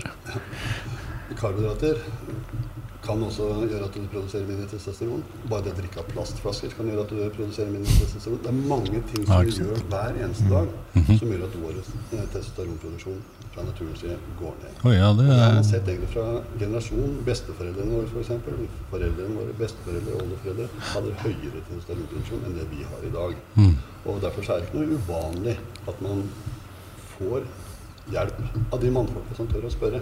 Ja. Damer er litt flinkere til å gå til legen når de har problemer. Mm. De mannfolka vi skal Nei da, det er alderen. Mm. Ja, det er alderen som gjør det. Så vi har Jo, kommet men- opp i en alder som gjør at de produserer mindre testosteron. Ja, den starter jo på, på et nivå ja, Fra du er 25 eller noe sånt, så begynner den så går det jo å gå ned. Mm. Og så er det jo individuelt sånn hvor mye nedover den går. Men, men altså jeg er jo så ofte blant eh, kompiser og bekjente i liksom eh, rundt liksom både 40 og 50 ish, liksom, som, som klager litt da, liksom at ja, jeg har sånn og sånn problemer. De sier jo selvfølgelig, de er aldri ærlige, men, men jeg får i hvert fall det der hint om at eh, Vet du hva, det høres ut som du har et helt fucka testosteronnivå i kroppen din. Har du noen gang gått og sjekka det? Og da får jeg liksom i 99 av tilfellene Hæ, nei! Hæ? Det som også skjer, er at hvis du klarer å overbevise dem til å gå til legen sin og sjekke, så har du referanseområdet fra 8 til 35. Og hvis legen ser at du er innafor der, Mm. sier du ligger på 8 eller 9 da. Ja, da får du ikke noe. Oi, kjempebra, sier legen. Du er innafor. Ja. Ja, men jeg er ikke 80. Nei. Hadde jeg vært 80 år og hatt testosteronproduksjon på 8 eller 9, ok, så hadde jeg vært sant? Jeg er 50 og har to unger på 7-8 år, liksom. Ja, også, også sånn som dessverre må man kanskje si at sånn som samfunnet er blitt, så er det ikke helt uvanlig for menn i 40-50-årsalderen å starte med nye barn Nei, nei. som krever mer energi. Mm. det er akkurat i den perioden når testosteronet begynner å bike. Så for menn f.eks. med prostataproblemer, hjerte-karsykdommer, høyt blodtrykk og sånne ting, det kan egentlig være direkte relatert til lav eh, testosteron. Ja. Og det å ha for lav testosteron, det er like skadelig som å ha altfor høyt testosteron, som visse idrettsfolk kan ha til tidlig Ja, ja. Og begynne å få problemer. Mm. Så derfor så det å ligge innafor eh, riktig mengde til den alderen du er i, Mm. det er veldig viktig. Ja, altså, der, jeg har en en spesialist, ikke en fastlege. Ja, nettopp. Det er det jeg skulle fram til. Fordi at uh, jeg tok disse testene. For jeg følte at vet du, her er det et eller annet eh, som ikke er helt som det skal. liksom. Så jeg tenkte nei, nå skal jeg jaggu meg prøve å teste de nivåene. Så jeg gikk til fastlegen min. Og, og forteller han at sånn og sånn føler jeg, og jeg tror at eh, testosteronnivået mitt nå er lavere enn eh, hva som sunt er, osv. Så, videre. så jeg kan, kan ta en sånn test. Og på han så virka det liksom litt sånn Oi, jøss, hva er dette for noe? Men ja, det gjør vi. Eh, og så gikk det vel ei uke, eller noe sånt, så ringte han meg, og da fikk jeg svar på dette, denne prøven. Og så sier han til ja, og legen og sånn og sånn. Ja, du hadde visst rett, du hadde lave nivåer. eh. Jeg husker ærlig talt ikke tallene, men eh, det er som du sier, vi skal ligge mellom 8 og 35 eller noe sånt. Jeg tror jeg hadde noe sånt som 6 eller noe sånt. jeg. Uh, og så sier jeg ja, nei, det var jo det jeg regna med, men, uh, men hva gjør vi nå, liksom? Og legen sier at nei, det veit jeg ikke. Nettopp. Og så sier jeg, ja, men så, jeg visste jo at, eh, hva som måtte til, for jeg har jo andre bekjente som har gjort det. Og det var, det var grunnen til at jeg gjorde det sjøl, fordi at andre bekjente hadde gjort det. Så jeg, du vet ikke, og selvfølgelig vet du hva som må til, uh, men du er ikke villig til å gjøre det. Ja, nei, dette visste han så lite om, og, og han er idrettslege i tillegg, altså. Uh, så det er, vet du hva, greit, snakkes. Og da tok jeg bare opp telefonen og så ringte jeg til han ene spesialisten vi har hatt i Norge, han Purvis inne i Oslo. Og fikk time dagen etterpå og kjørte inn til Oslo og tok med papirene jeg hadde fått og viste dem til han. Og sier han, ja, ja det stemmer, du har litt lav eh, Hva har du gjort? ikke sant? Han, var, han er jo skrue. Uh, nei, det var litt feil tester han hadde gjort, da, så vi må ta de testene på nytt. da. Og han gjorde de testene på nytt, og da, da husker jeg det var høyere, men jeg jeg lå fortsatt i lavere sjiktet. Og da sier han at eh, ja, ja, da får vi sette, deg på, sette i gang en sånn kur som jeg tror det var HCG, eh, som skulle kicke i gang mitt eget system og, og den biten der sånn. Og vi sier ikke 'are you fucked', sier han, ikke sant. Eh, og det, det funka jo for min del, da. Eh, men men, men det, det er liksom en så lang vei dit. Det er en utrolig lang vei. Og det en ting Hvem andre er som hadde hatt liksom, guts nok til å tenke at nei, vet du hva, da ringer jeg til Purvis? Da må du kjenne til, liksom. Ja, du må kjenne til. Og det er det som er fordelen med å være crossbygger. Ja, ja ikke sant?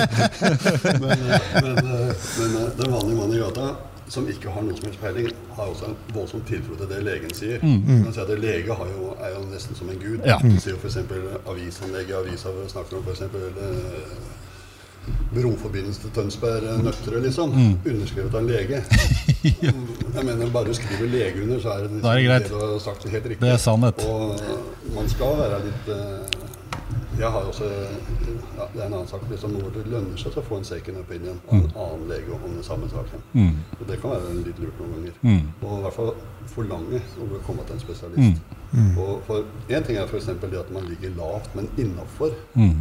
Ja. enn at du ligger lavere. En, en annen ting som også er viktig å sjekke, i dette tilfellet når du sjekker sjekke testosteron, er kortisol, stress i kroppen. For det er samme som når du trener. Når du setter i gang en treningsøkt, høy intensitet, så i løpet av 40 minutter så har du forholdsvis høy produksjon av testosteron.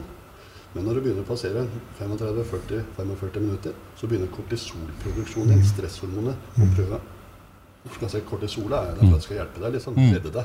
Sant? Så den prøver også å trykke stresset ned, liksom produsere mer og mer av det, og det trykker også testosteronet ditt ned. Så hvis du har for lange treningsøkter, så produserer du mindre testosteron av den. For at du blir for sliten, rett og slett.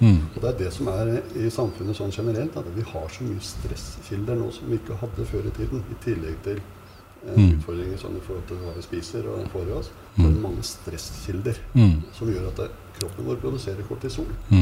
Så det kan også være eh, bidra til det at dette systemet. Altså Legen du tar kontakt med, må på en måte vite litt mer. De vet ikke mer om hormoner enn det de leser i VG. det som- Nei, ikke sant? nei, det, Nei. det er helt riktig. Og, men, så, men jeg har også hørt, eh, når jeg har snakka med voksne folk, da, og så har de liksom litt sånn innrømt sånn derre 'Jeg Vet hva, jeg får sånn fra legen, altså. Sant? Det er litt der, da. Men vi mannfolk er så redde for å være sjuke, vet du. Ja. For vi tør ikke gå til legen Nei. tilfelle vi vet at vi er sjuke. Ja. Det, er dessverre Det er sånn det er. Fordi at de ikke oppsøker lege. Men eh, damer er flinkere til å si fra når det er noe, så får de hjelp. Vi mannfolk må bli egentlig flinke til det.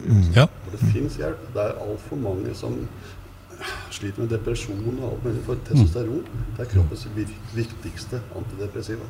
Så ligger du for lavt der, så, så kan du finne på å gjøre veldig mye rart. Ja, absolutt. Og hvor mange vet ikke som sliter, som da tyr til alkohol og sitter og drikker og herjer og ja.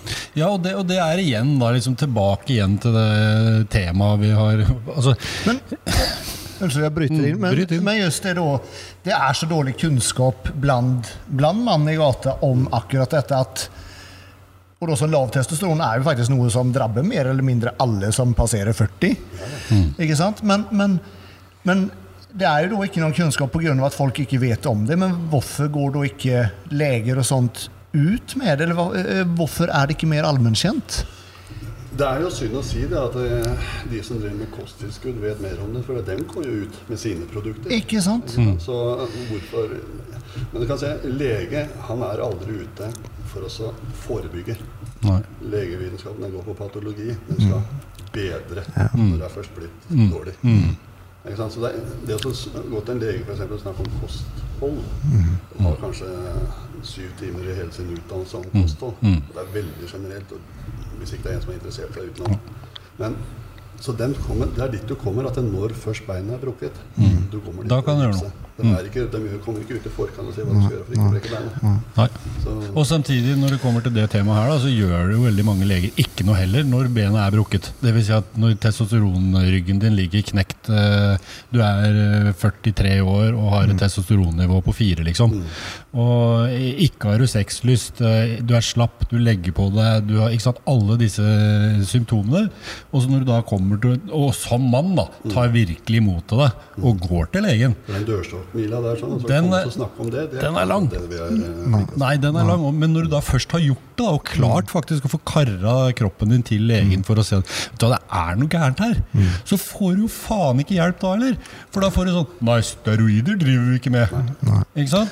Og, og det er det jeg, jeg vil så gjerne til livs, liksom. Altså, jeg personlig nekter å ha et lavt testosteronnivå, for jeg vet hva det gjør å ha et normalt testosteronnivå for meg som 52 år, liksom. Så jeg, jeg nekter det. Mm. Det, det. det skjer ikke i resten av livet, liksom. Men gjennom generasjoner som sagt, så har dette her blitt lavere og lavere, og vi har også tilvent oss en tilstand som egentlig forventer at det skal være sånn. Ja, nettopp. Og det, det Er du 45, så skal du sitte på sofaen med hånda i potetgullposen og den andre hånda på balla og se på fotball på TV. Det er innafor. Om du er feit og ikke har sexlyst og, og ser helt jævlig ut, det er greit, det. Hvis du gjør som oss og trener, spiser riktig, holder testosteronnivået ditt på et, et normalt nivå, eh, da er du gæren. Du må prioritere noe feil. Du skal ikke se sånn ut når du er 50. Nei, det er ikke meninga, det. Og da, da får du Jeg får så mye Nei, jeg er ikke A4, og da får så mye kritikk for sånt. Da. Det er misunnelse, selvfølgelig, men allikevel. Det er få for faen øya opp, da. Ja, da, nei, du kan si at det er nok mange som trenger litt mer kunnskap om dette her. Sånn. Og det er det som er fordelen med oss som trener og setter oss inn i dette med trening, kosthold, hvor viktig alt dette er, og hva som skal til for at kroppen fungerer best mulig. Så det er jo, men allikevel så er det ikke vi som skal ut i samfunnet og informere Nei. om hva man gjør dette. Det er jo egentlig ja, helsemyndigheter. Ja, men sant, det gjør det ikke. Og, og når man har et, et Når man sitter med en kunnskap, da, så, så syns jeg det er i hvert fall riktig å prøve å komme ut med det. Jeg sier ikke at det jeg sier eller det du sier er lov og basta bom, men det er i hvert fall en erfaring. jeg-. Jeg, si selv, jeg kan ikke sitte her og så påberope meg noen legevitenskapelig. Mm. kunnskap. Liksom. Man snakker mer av erfaring og hva man ser. Men noen ganger er den erfaringa mer verdt enn en Ja, ja. eh, legestudie. Altså. Som ikke har erfaring. Ja. Mm. Som egentlig bare har lest seg til det. Og, og, men eh,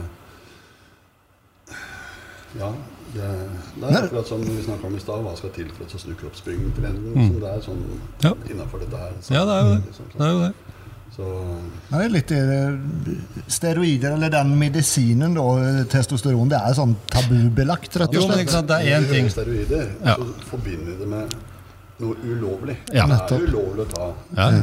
Uten Det er ikke, men det er ikke ulovlig å få testosterontilskudd av legen din. Nei, nei, nei. Det er ikke ulovlig i det hele tatt. Det er medisin. Ja. Og, og det er også en annen ting i forhold til at disse da som får disse kjempeproblemene, om det er eh, fysisk eller psykisk osv., de har jo i ethvert tilfelle brukt alle mulige andre ting også. Ikke sant? Og ja, som, som de som står fram sier, ja, det er kjempevanlig at man tar amfetamin før treninga og, og kokain eller hasj etterpå for å få det, er, blitt vanlig. det er blitt vanlig, ikke sant? Men, men det er likevel ikke standarden. Sånn som, sånn som jeg eh, ser det. da. Jeg, sier, jeg kjenner masse folk som har valgt å bruke en eller annen form for steroider. Jeg har ikke hatt problemer i det hele tatt, men de har da ikke kobla sammen alle disse andre drogene. Ja, men det er én ting. Det er en ting. Eh, vi vet også det at det, det jeg nevnte i stad, f.eks. med mitt forbruk en gang i tiden, Mm. det er ingenting. Nei. Jeg kunne like gjerne spist, spist eh, drops som, som Ja, eller er kjøpt sånn tilskudd som du får på det, nettet. Du kan si at det, Jeg veit ikke om det var nok til å så uroe min egen produksjon engang. Det aner jeg ingenting Nei. om. For at Hvis du skal få den enorme virkningen av steroider, så må du langt over 35, Så må vi 300 kanskje. Ja, ikke sant? Så må vi noen enorme mengder. Mm. Og det er det som er blitt så stort problem nå, at det, det er ikke måte på hva den putter i seg. Nei. Mengder. Nei. Ikke sant? Og hvis man kan tenke deg en ideell verden, er at man ikke bruker det. Men dessverre, en annen måte er det at, eller en annen virkelighet er det at man faktisk bruker det. Det er jo. Men hvis man begynner å trene nå etter koronakrisa f.eks. Mm. Du begynner å trene på naturlig måte. Du spiser riktig, du spiser nok protein, du spiser nok fett. Trener akkurat den mengden du trenger, Mm. og får nok hvile. Mm. Se hva kroppen din gjør da. Mm. Du vil få en enorm framgang. Mm. Idioten, han putter i seg steroider med en gang. Mm. uten å la kroppen få sjansen i det hele tatt. Nå sitter han langt med Lagrene er helt klare. Ja. Gi meg bare en inspirasjon til å sette i gang. Så, men idioten, han putter på med masse steroider med en gang. Men så, ok, la oss gå videre. Du trener og får enorm framgang på naturlig måte. Bra framgang. Ok, så merker du at det begynner å stagnere. Si du da velger å bruke steroider. Mm. Nå sitter ikke jeg altså og forklarer folk hvordan de skal gjøre, men jeg bare Nei, nei. tenker den fornuftige måten oppi dette her. Da. Mm. Så istedenfor å velge ti tabletter om dagen, Mm. begynn med én. Mm. Og få virkningen av Det Det er ikke ti tabletter lenger, Tor. nei, men jeg tok bare for det, Det er, det er rett i muskelen med Ja, injeksjoner. jo, men begynn på det aller minste. Ja. Det er sånn som med trening, eksempel, at det, det mest naturlig å gjøre når du skal begynne å trene, at du begynner å kjøre ett sett per muskelgruppe. Mm. Begynner du med ti sett per muskelgruppe, Mm. og det ikke skjer noe, hva skal du gjøre da? Skal du gå opp til tolv? Så gå ned til åtte. Ja, hvis du begynner på én, så vet du i hvert fall hvilken vei du skal gå. Mm. Hvis det ikke skjer noe. Ja. Da er det naturlig at du prøver med to sett. Mm. Eller tre sett. etter hvert. Mm. Da finner du ut mengden du tåler. Mm. Men hvis du begynner med ti, og det ikke skjer noe, ok, du aner ingenting. Nei. Og sånn er det også med dette greiene med. Mm. At hvis du begynner med en haug mengder som Du fyrer for kråka, og Ja. altså, du risikerer at helsa di går til helvete. Ja. Og hvis du da samtidig for å orke å trene og putte i seg amfetamin, og etterpå for å kunne komme seg ned som klarer å sove og sitte og røyke hasj og sånt da. Ja. det er jo det er jo nei, det er, nei, det er, det er så skremmende at det er helt forferdelig. Altså, det, det er det som er så synd, at det er dette som er kroppsbygging i 2020. Ja, nettopp. Og det Ja, dessverre så er kroppsbygging i 2020 blitt synonymt med altfor mye kjemikalier på den ene og andre veien. Men hva kan vi gjøre liksom for å snu på dette her? Sånn? Og som Roar Innland og jeg satt og småprata Dra den litt lenger inn, da. småprata litt om hva vi kan gjøre, og er det at eh, vi har lyst til å arrangere konkurranser hvor vi inviterer fitnessgutta Mm. til å stille i kroppsbygging.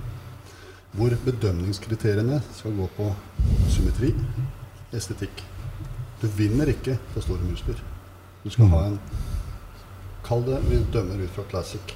Ja. Og friposering skal telle, Mm. da man skal kunne presentere fysikken sin på best mulig måte. Mm. Og vi må også da forandre dommerkriteriene.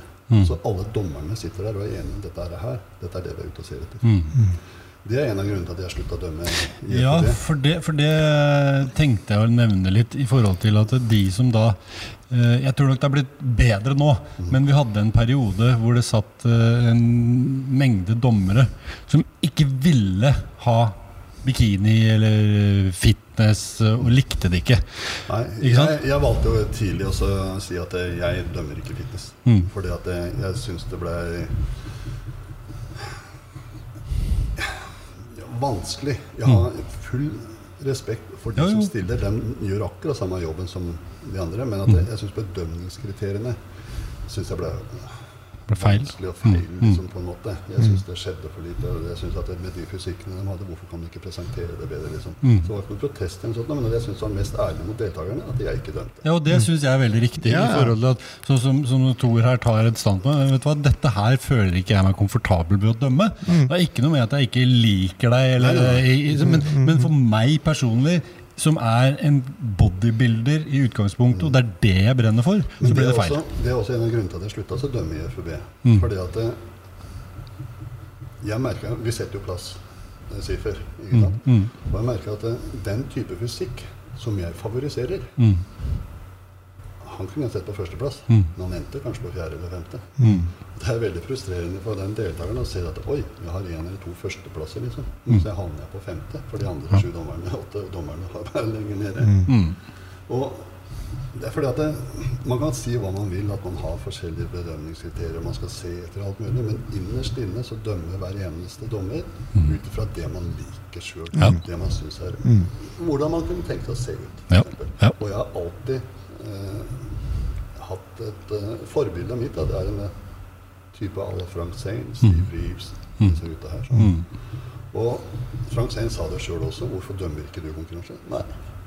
Mitt forbilde er meg sjøl. Det er ingen som ser ut som meg lenger. Derfor kan ikke jeg dømme. Mm. Og jeg merker også det at det, det var ikke rettferdig for disse deltakerne at det, de som vant, kanskje hadde en femteplass fra meg.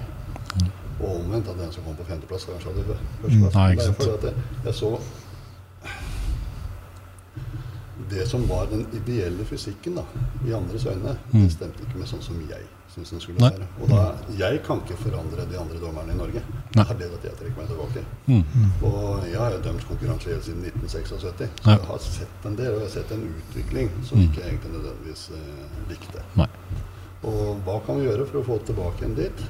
Det er ikke sikkert at det er noen som ønsker å ha det tilbake dit, men det, rundt omkring i Norge så vet jeg Nå har vi så heldige av Facebook, og Mm. det er utrolig mange som savner den tiden som var. Mm. Da de kunne gå på konkurranser, få en god opplevelse, Mm. underholdning.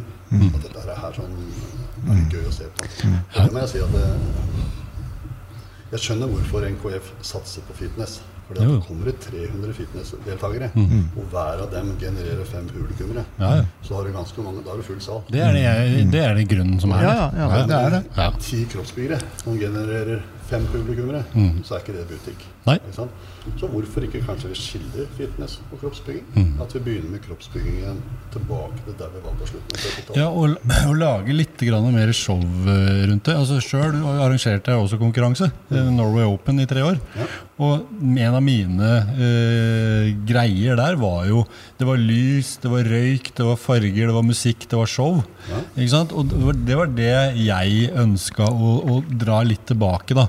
Og det ble jo kjempesuksess. Altså Den looken og feelen som var på Norway Open, det var jo noe folk virkelig digga.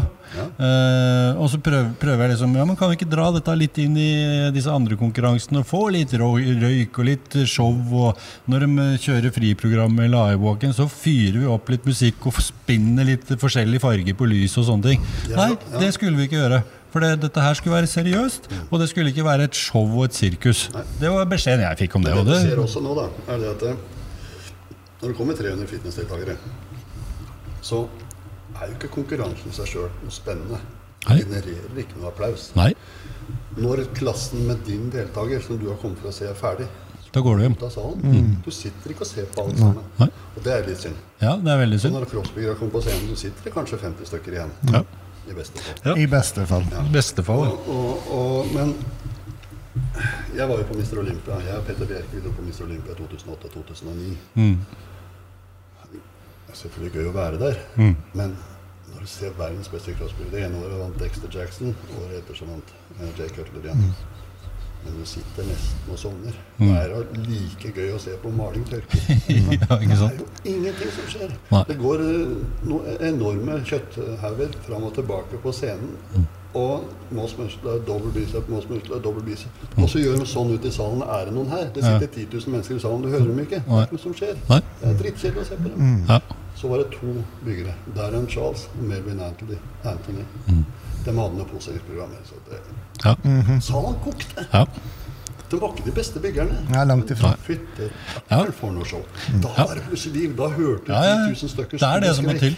Det er det som må til. Jeg husker vi var på e nordisk i Sverige, hvor det, hvor det var som du sier. Eh, salen er full av folk, men du hører en knappenål dette på gulvet, liksom, For det, det, det er så kjedelig. Og så kommer inn, jeg mener han var svensk, med en sånn robotposering. Du, det, taket løfta Mm, ja, seg. Det var så Jeg fikk tårer i øya, liksom. Jeg, har et tilfelle, jeg var med i nordisk i 76 nede i Stockholm. Jeg stilte juniorklassen. Vi var 31 stykker i klassen. Så den gangen så var det mye juniorer. Mm. Og Frank Sein var gjesteposør. Okay. Han var da, dette var kanskje bare et par uker etter han hadde fått annenplass i. Olympia. Mm. I 76. Franco Colombo vant. Og jeg satt i salen og så Frank Sein. Da kan du snakke om frysninger. Ja. Den gangen hadde jeg hår på huet. Det rett opp.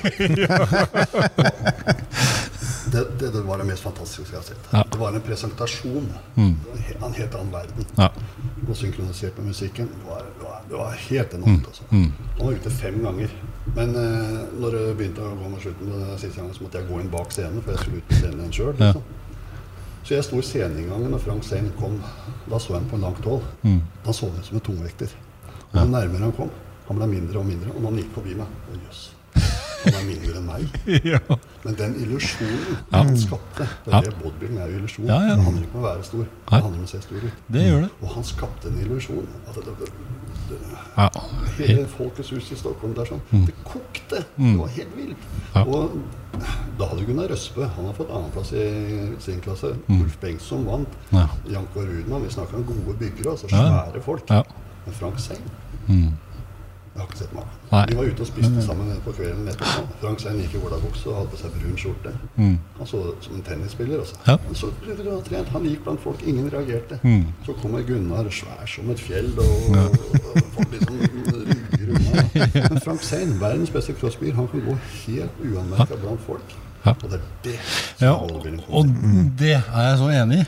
Det er liksom den greia at du, du ser ut som en vanlig mann, liksom. Ja, folk kan se at du, du er jo trent, liksom, eller i form.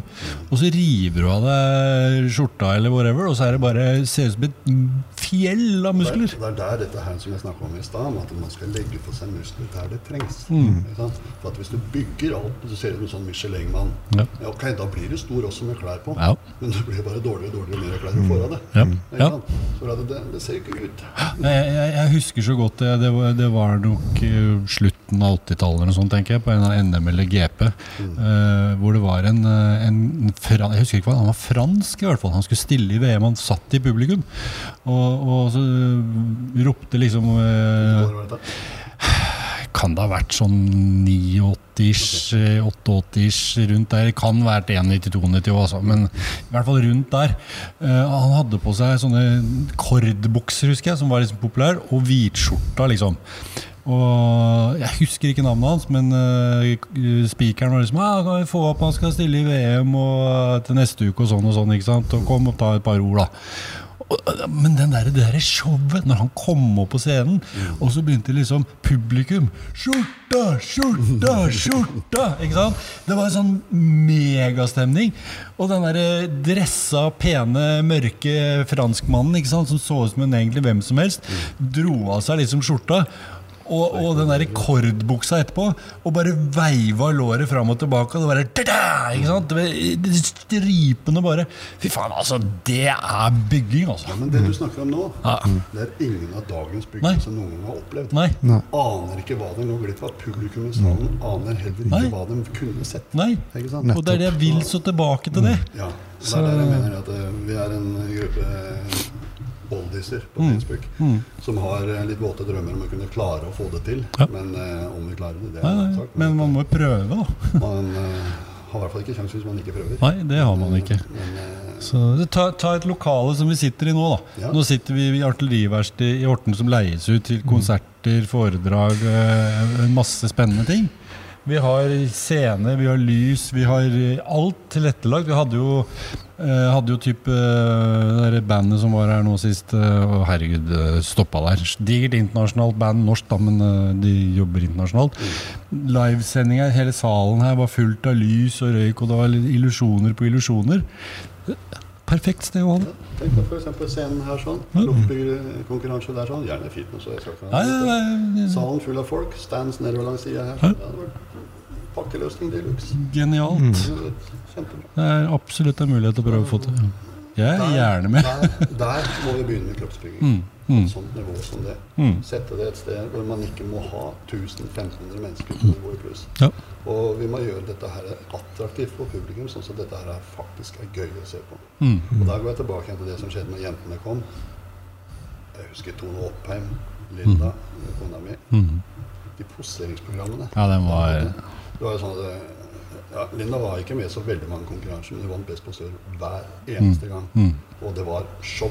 Ja. Var show. Tone Oppheim hun var danser i utgangspunktet. Mm. Og hun poserte, vet du, det er jo Ja. Uff, jeg får frysninger. Ja, det er jo vanvittig.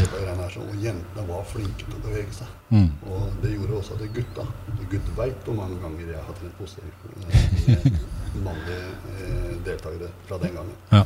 For at de fant, Sånn som Jostein Ødegaard, eksempel. Mm. Det er litt gøy å si, for Jostein han har to venstrebein. Ja. Det funker ikke noen av dem. Nei. Så jeg husker Tone Åpen sa til meg ja, hvis du klarer å få Jostein til å posere, da er du god. Og han ble ganske bra. Ja, han ble Han ble ganske bra. Ja. Og jeg kan si at uh, det var litt av en jobb. Ja. Men Jostein han var også den derre Ingenting skal være uprøvd. Mm. Og du kan si at han, når du sa en ting, så gjorde han akkurat. Mm. Mm. Han sto også bare på. Petter. Bjerke også. Jeg trener mye på posering med Petter. Mm. Han eh, lo han Jeg tror han ble best posere på Hamar en gang. Ja. Det Ja, det- han mer enn meg, kanskje. Men at Men det, er, men det er jo igjen, altså, se- selv om nå bygginga er mer eller mindre død i konkurransene nå om tida, så, så er det jo ikke så lenge siden det var en del byggere. Men det der med posering, det avtok og avtok og avtok mot slutten. Ja. For det var veldig få som gjorde kjempegode poseringsprogrammer. ja, det fikk jo ikke betalt for. Nei, ikke sant? Det var én og to, liksom. Ja. Men bedømming av posering det skal være sånn at hvis det er jevnt mellom to deltakere, så er det poseringa som skal telle. Ja. Det skal ikke være sånn at du ligger på femteplass og plutselig blir norgesmester fordi at du har et bra poseringsprogram. Nei, nei, nei. Og det skal stå i stil til fysikken. Du skal ikke komme ut uh, som en turner eksempel, og så ikke ha muskel, liksom. Så, men eh, det å bedømme posering på riktig måte, riktig måte og så premiere beste posør, Mm. det er viktig. Ja, det har man ikke nesten tid til lenger. Nei, og det er, det er, det sjelden. Ja. For det er tid. For det her er det kan si at det er sånn som kroppsbygging eller en NKF Jeg skal ikke pålegge den mer, men sånn som jeg forestiller meg dette fungerer, er det at det, man er ikke avhengig av publikum lenger. Bare man er nok deltakere, så genererer det nok kroner. Mm. Ikke sant? Så Før så var avhengig av full sal. Mm. Man var avhengig av det publikum la igjen av penger. Mm. For det, det kosta jo nesten ikke noe å være med. Du holdt på at du var medlem i Norges Rådsbyggerforbund. Ja. Så var det det du betalte. Betalte kanskje 200 kroner, sånn, så kunne du være med i konkurranse. Så du var avhengig at det kom bra med deltakere Mm. som kunne lage underholdning, så det ble full sal. Mm. Jeg husker f.eks. NM i Chateau Neuf. Fader, det var jo utsolgt flere uker i forveien noen ganger. Ja. ja. Si at, men da var det show. Det var skikkelig show. Vi hadde til og med en konferansier som Hva het han igjen, da? Ja, jeg husker ikke hva han heter, men han var jo programleder. Å ja, han. Han er i Radio 1 eller noe sånt. Ja, ja, ja. Han bydde jo på seg sjøl til de grader. Han var jo den som Å, nå skal vi hive skjorta, gutter. Ja, skal vi hive skjorta, gutter. Og Jens Harald Ellefsen han kom på scenen. Det verste han vet, er jo det at å hive seg Han skal dele premie. Det verste han vet, er å hive av seg skjorta hvis han ikke er i form. Ja. Og Jens Harald gjorde da den der eh, og sa at han er Ja, nå husker jeg ikke heller, men han var kjempekjent sånn radiovertstjerne. Ja, Som, ja. som er en ordentlig sånn type som tar alt av scene Han og gjorde den offentlighet. bommerten han sa at ok, hvis du lårer buksa, skal jeg ta skjorta. Du må ikke si det til en sånn mann, for han sto der i underbuksa han var over huet. ikke sant? Og han måtte Jens hive skjorta. Jeg tror Jens hadde den verste opplevelsen i tiden. Det ble show. Og så gøy det er for oss som sitter og ser på. Nettopp. Ja, ikke sant? sant? Ja. Og det, det er sånne ting vi må ha tilbake til å lage show. Ja, jeg jeg syns egentlig det er litt eh, Nå blir jo det litt på det jeg gjør, da, men altså det bildet på hvordan det har blitt altså jeg har jo, Når jeg starta med den scenefotogreiene, så, så var jeg jo aleine i, i mange år. og Andrea satt ved siden av meg for, i form, liksom. Men plutselig så kommer det en gjeng med folk som tenker at ah, dette kan jeg gjøre penger på.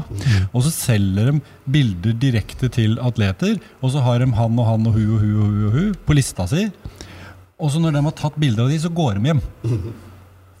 Men jeg ble sånn ja, men, Hallo, vi er det her for at dette her er noe jeg faktisk interesserer meg for. Jeg syns er gøy. Jeg er ikke her for at eh, jeg skal ta bilde av hun og han og han, og så skal jeg gå hjem. Men, men det er bilde, mer bilde på helheten. da Ikke sant? At det, er ikke en genuin interesse, og dette her er ikke morsomt og gøy og show å se på. Det er bare dørgende kjedelig. Altså at det Mesteparten av dagens fitness- og crossbyggere markedsfører seg jo over sosiale medier. Ja. Du bør egentlig ikke ha fysikk i det hele tatt. Du kan Nei, ja. da. Vær flink til å. Shoppe deg inn i en bra form. Ja. Mm. Og så er du da plutselig coach fordi at du har et bra bilde. Du må bare for guds skyld aldri vise deg i virkeligheten. Nei. Og på den måten er sånn, så foregår liksom konkurransen på På, på, Instagram og, ja, og sant? det Mm. som du ser på scenen, det er jo bare drittkjedelig. Mm. Så Ja, det er det. Det er blitt drittkjedelig. Og det er sånn som vi sier hver gang, vi er jo på absolutt alt som er. De Og, og vi kjeder oss. Det er sånn Vet du hva, nå må vi være ferdig snart. Ja, og de deltakerne liksom. som står der, de fortjener ikke det. Nei. For de har lagt ned en nettopp. jobb. Ja.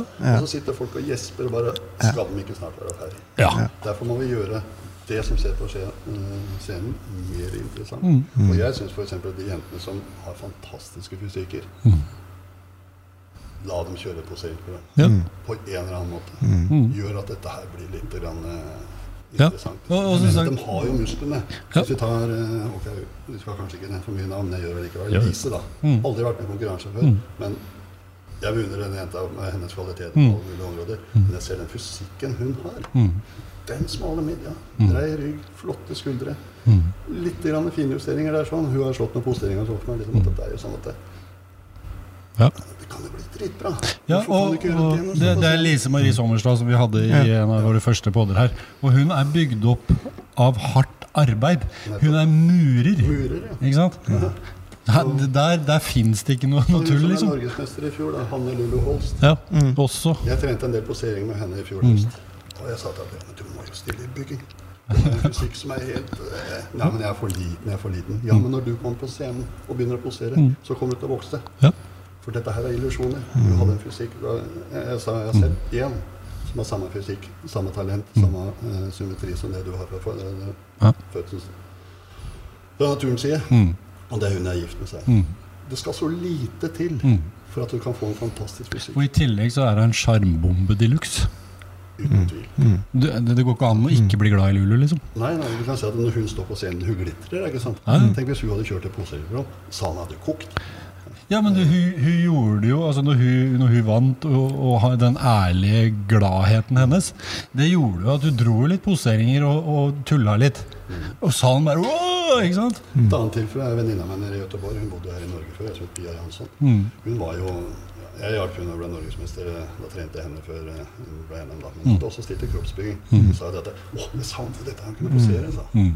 Og nå eh, så jeg noen bilder av henne fra de siste konkurransene jeg har vært med i. Mm. Hun har jo en fysikk. Hun er godt voksen nå, Mm. fy fader, hun har aldri vært så god. Hun vant vel alt som var nå på uh, svenske mesterskapene i Østhus. Og hun kunne også, i mine øyne, stilt til det som vi kaller for kvinnelig Mm. Mm. Å være kvinnelig bodybuilding. Ja, kvinnelig. Ja, ja. Nettopp, for dette her skal være muskler på en dame. Ja. Det skal ikke være en dårlig mann som står der. Nei. Mm. Og Pia, for eksempel, med den fysikken hun hadde da. Fantastisk. Ja. ja Det er, vi har så mange sånne i Norge også når du ser disse fitnessklassene. Mm. Hvorfor kan de ikke kjøre på poseringsprogram? De gjør dette her litt mer morsomt. Også. det hadde vært ekstremt moro å fått til noe sånt. Altså. Det Samme hadde, disse gutta i mensfysikk òg. Mm. Få dem til å trene bein. De har flotte overkropper. De fleste i salen har lyst til å se ut som dem. Mm. Ja. Hvorfor kan de ikke presentere seg med litt annen måte enn bare stå med den ene hånda i sida? Mm. ja, ikke engang få gå eyewalk lenger. Nei, men jeg kaller det den der poseringa som de gjør står der sånn. at. Det er Ja. mobilarmen. Det er liksom det er, Ja, mobilen, ja. bare mobilen. Ja. Det er liksom hele klassen er Ja, det er sant. liksom. Og og så hvis det er noen av dem som blir litt ivrige da, og drar en posering, så er det bare Nei! Men det er jo direktivene da som er Ja, fra ja, det er IFBB. det. ikke sant? det, Så det, det er det. det er jo det de må Da skal jeg si da til Roars fordel på det UPBF-konkurransen. Altså. Der må fitnessdeltakerne ta en dobbel forfra, en sideposering, en dobbel bakfra, og så en valgfri posering. Ja. For fitnessdeltakerne skal også vise at de har muskler. Ja, ja, ja. Jeg så et, eh, en av de konkurransene jeg dømte for Roar der. Sånn. Han som stilte i fitness det ene året, han hadde en fysikk Å, fy fader, han var god. Han hadde legger. Jeg så under buksa, han hadde bein. Mm. Hadde han stilt i poseringsbuksa den dagen, så hadde han blitt Best in Show. Mm. Han som vant Best in Show, var en stygg russer på 120 kg. Mm. Han hadde ikke hatt sjans mot han der engelskmannen her. Nei, ikke sant. Nei. I Nei. mine øyne. Nei, nei. Det, det, sånn er det. Så jeg holdt på å si en sånn konklusjon ut av en ekstremt uh, interessant pod. Blir jo liksom prøve. Utøvelig tema, men det Ja, det er det. Ja, ja det er så gøy. vi kunne sitte her og prate i timevis, det er ikke noe tvil Det er så gøy å høre på. Men, eh, men eh, vi har nå noen som skal gidde å sitte og høre på dette. Jeg skal ta en historie før liksom, hva, Ja, gjør det. hva man sier eksempel, hva man gjør så mye sprø ting i dag. Liksom, bygge. Vi gjorde mye sprø ting før også. Ja. Jeg husker jo her i byen, eksempel, jeg bodde jo her i Horten da, og så var det en vi gjorde det, vi, det fantes ikke så mye kosttilskudd. Vi måtte ta det vi fant. Mm. Så var det en som fikk overbevist meg om tørrfisk. Tørrfisktabletter som stilte bikkjene. Ja. Det er bra. Og jeg gikk jo opp i en sånn dyreforretning og tømte det de hadde. Det var jo så tørt og. Det var jo umulig. Men det verste var vet du, at et par dager etterpå så kom jeg til meg på gym og sa jeg skulle kjøpe tørrfisktabletter til bikkja. Jeg sa, men vet du hva de sa? Nei, vi har ikke mer igjen for Tor Martinsen. Og, det, og det verste er, Tor, at jeg gikk til en kiropraktor her i byen. På Evensen. Ja. Og eh, han fortalte Han sa jo ikke noe navn eller noe, men jeg drev jo og trente da også og var jo litt i form, liksom. Og da kom vi liksom inn på dette med bygging og sånn. da. Ja, nei, Han kjente og hadde en kunde da, som var sånn eh, kroppsbygger, da. Men når han skulle konkurrere, så kunne han ikke få lov å komme hit, for han stinka fisk! Så det er faen meg samme greia. Men jeg hadde et annet tilfelle også. På gymmen i Oslo, når jeg jobba på Sjurhall. Der hadde vi en kar som ja, Han var ikke akkurat den skarpeste kniven i skuffen, han var ivrig på å trene. Han gjorde det som skulle til. Så, så han hadde også fått det for seg det at det som drikker blod, det må jo Nei, nei, nei. ja, Så han dro på slakteriet med en sånn femliters fem liters bensinkanne og fylte opp med blod. Og så vet han jo Han kom på gymmet, så sto skulle det korpset satt og drakk. Det. Og så Denne kua må ha gått og gressa i veikanten for det smakte bensin. Det lå jo igjen i bensin. Bensinkanna. Å, fy faen. Det gjorde litt av hvert den gangen. Ja. Det var ikke en snakke hardcore, altså. Faen. jeg dro ut på felleskjøp og kjøpte sånne broiler pellets og så opp og så brukte som proteinpulver. Så, det- så det er utrolig hva vi har gjort. Oh my god. Ja, det Det tok i hvert fall ikke livet av oss. Nei, nei, men jeg tror ikke den bensinen var langt unna. Altså. Nei, det er- det er så. Da burde ikke det det på hvert Å, fall. fy faen, bensin og blod, da snakker vi. Ja, nei, det, er- Nei, jeg, jeg det er husker gjort mye rart. Men jeg kan si at det, hadde, det var ikke det tilgangen på kosttilskudd. Vi måtte Nei. finne på Ja. forskjellige ting, og at vi fikk det oss i det hele tatt. Det var som en kompis av meg, han spiste soyaprotein blanda med appelsinjuice. Ja. Du kan si altså, Være i samme rommet som han etterpå når skulle trene. Det, det var jo gasskammer. Ja. Åh. Men vi hadde ikke noe annet Nei, altså, det, jeg skulle til å si det. Altså, jeg husker jo den helt i den spede starten der hvor vi kjøpte noen sånne bøtter med noen sånne der eggproteingreier som smakte noe så inn i helvete. Vi dro rett opp på eggsentralen og så Ja. Mm. kjøpte rett der. Det var jo Åssen jeg helt skulle klare å få disse her. Liksom, det var jo Nei, det- det skulle det. Med skulle det. Jeg husker jeg satt borte på Horten helsestudio her, og folk satt og drakk dette greiene og brakk seg og Nei, nei fy faen, det var fæle greier. byggere har det i hvert fall lettere på den måten. Det har det. Så, så kan Vi vi spiste mye mat. Det gjorde Ja, vi. ja. 30 egg om dagen. Liksom, det var jo vanlig. Ja. Det, ja, det Grodde, grodde gjorde dere? ja. Litt tilbake til de, de smarte godene fra, fra starten. Og så, og så har vi jo veldig mye teknologi og utvikling på mat og kosttilskudd og sånn. Så hvis man liksom gjør det riktig, så blir det bra. det. Ja, Egg er jo det beste du kan spise. Liksom. Vi spiste, Det var ikke uvanlig å spise 30 egg. om Nei da. Den dag i dag kan jeg gjøre det. Jeg er veldig glad i mm, mm. Vi hadde cottage cheese, og vi spiste kjøtt og kylling, eller broiler som det het en gang. Ja. Det var liksom det kostholdet bestod av. Vi spiste ikke karb. Nei, var nei. Så det vi gjorde når vi gikk mot konkurranser, var det at vi ble magrere og magrere. Jeg, de siste ukene før konkurranse spiste jeg kokt torsk. Ja. Du kan si at det, det var nesten unødvendig å ta den ut av pakka. for Jeg tror det på. Ja, Det det var ikke tilsatt noen verdens ting. Bare kokte og spiste. Ja. Men eh, man spiste ikke for smakens del, man gjorde det fordi man skulle ha et resultat. ja, det var et verktøy. Ja. Ja. Så Det er jo noen som gjør den dag i dag, disse ja. grove gutta. Det, det vet jeg der. Ja, ja. Men, eh, men for det er jo et verktøy. Det er et verktøy. det du. Liksom. Så, ja, Mat er liksom det viktigste. det er eh, Det er det. På. Ja, det er eh, Man kan liksom ikke punktforbrenne bort ting, liksom. Det er kjøkkenet og det du dytter i deg, som bestemmer det meste. Sammen med hva du gjør av fysisk eh, fostring, selvfølgelig. Så Nei, vet du hva? Vi må avslutte. Det er synd å avslutte, men, eh, men utrolig hyggelig å ha deg, Tor. Det setter vi Tusen pris takk for at du ville komme. på. Kjempebra. Så da takker vi for det. Takk for det. Herlig. Takk for meg. Supert. Ja, det var litt av en uh, lang prat. Det er uh, mye kunnskap. Det er mye kunnskap og mye, mye erfaring og mye opplevelser, ikke minst. Ja. Det er uh, Veldig gøy å høre på. Nå snakka jo Tor veldig mange gamle navn, som helt sikkert veldig mange som hører på her, aldri har hørt om, liksom. Eh, de han snakker om, liksom Frank Zane, eh, Colombo, Schwarzenegger, Sjur Hall, eh, Gunnar Røssebø liksom. Dette her er Det jo er 70-80-tall. det er 70-80-tallsgjengen som er liksom arnestedet til bodybuilding. Og Mm. bodybuilding er jo uten tvil det Tor eh, brenner for. Mm. vi òg, egentlig. Ja. Så. Absolutt. så det er eh, I hvert fall for oss som har holdt på med dette en stund, så er det altså Vi kunne sittet her hele dag og prata om uh, disse tinga. Altså, det er så utrolig spennende å høre på. Ja, det er ikke tvil om det. Så, Eh, Det er så gøy å høre. og så er det så mye erfaringer, da. Vi drar inn dette temaet med steroider og den biten der, og så er det liksom så mye gode erfaringer som kommer fra en mann med erfaringer. Så, så jeg syns det er veldig Man får veldig litt annet perspektiv på det. Man, får, man gjør det, og, og ser liksom hvor, hvor gærent det har tatt i vei, på en måte.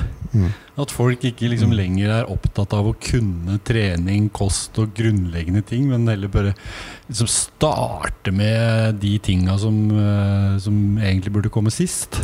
Det er litt skremmende, og håper at det kan kan liksom fyre noen i gang til å tenke at fader, jeg skal prøve å gjøre ting ordentlig. Mm.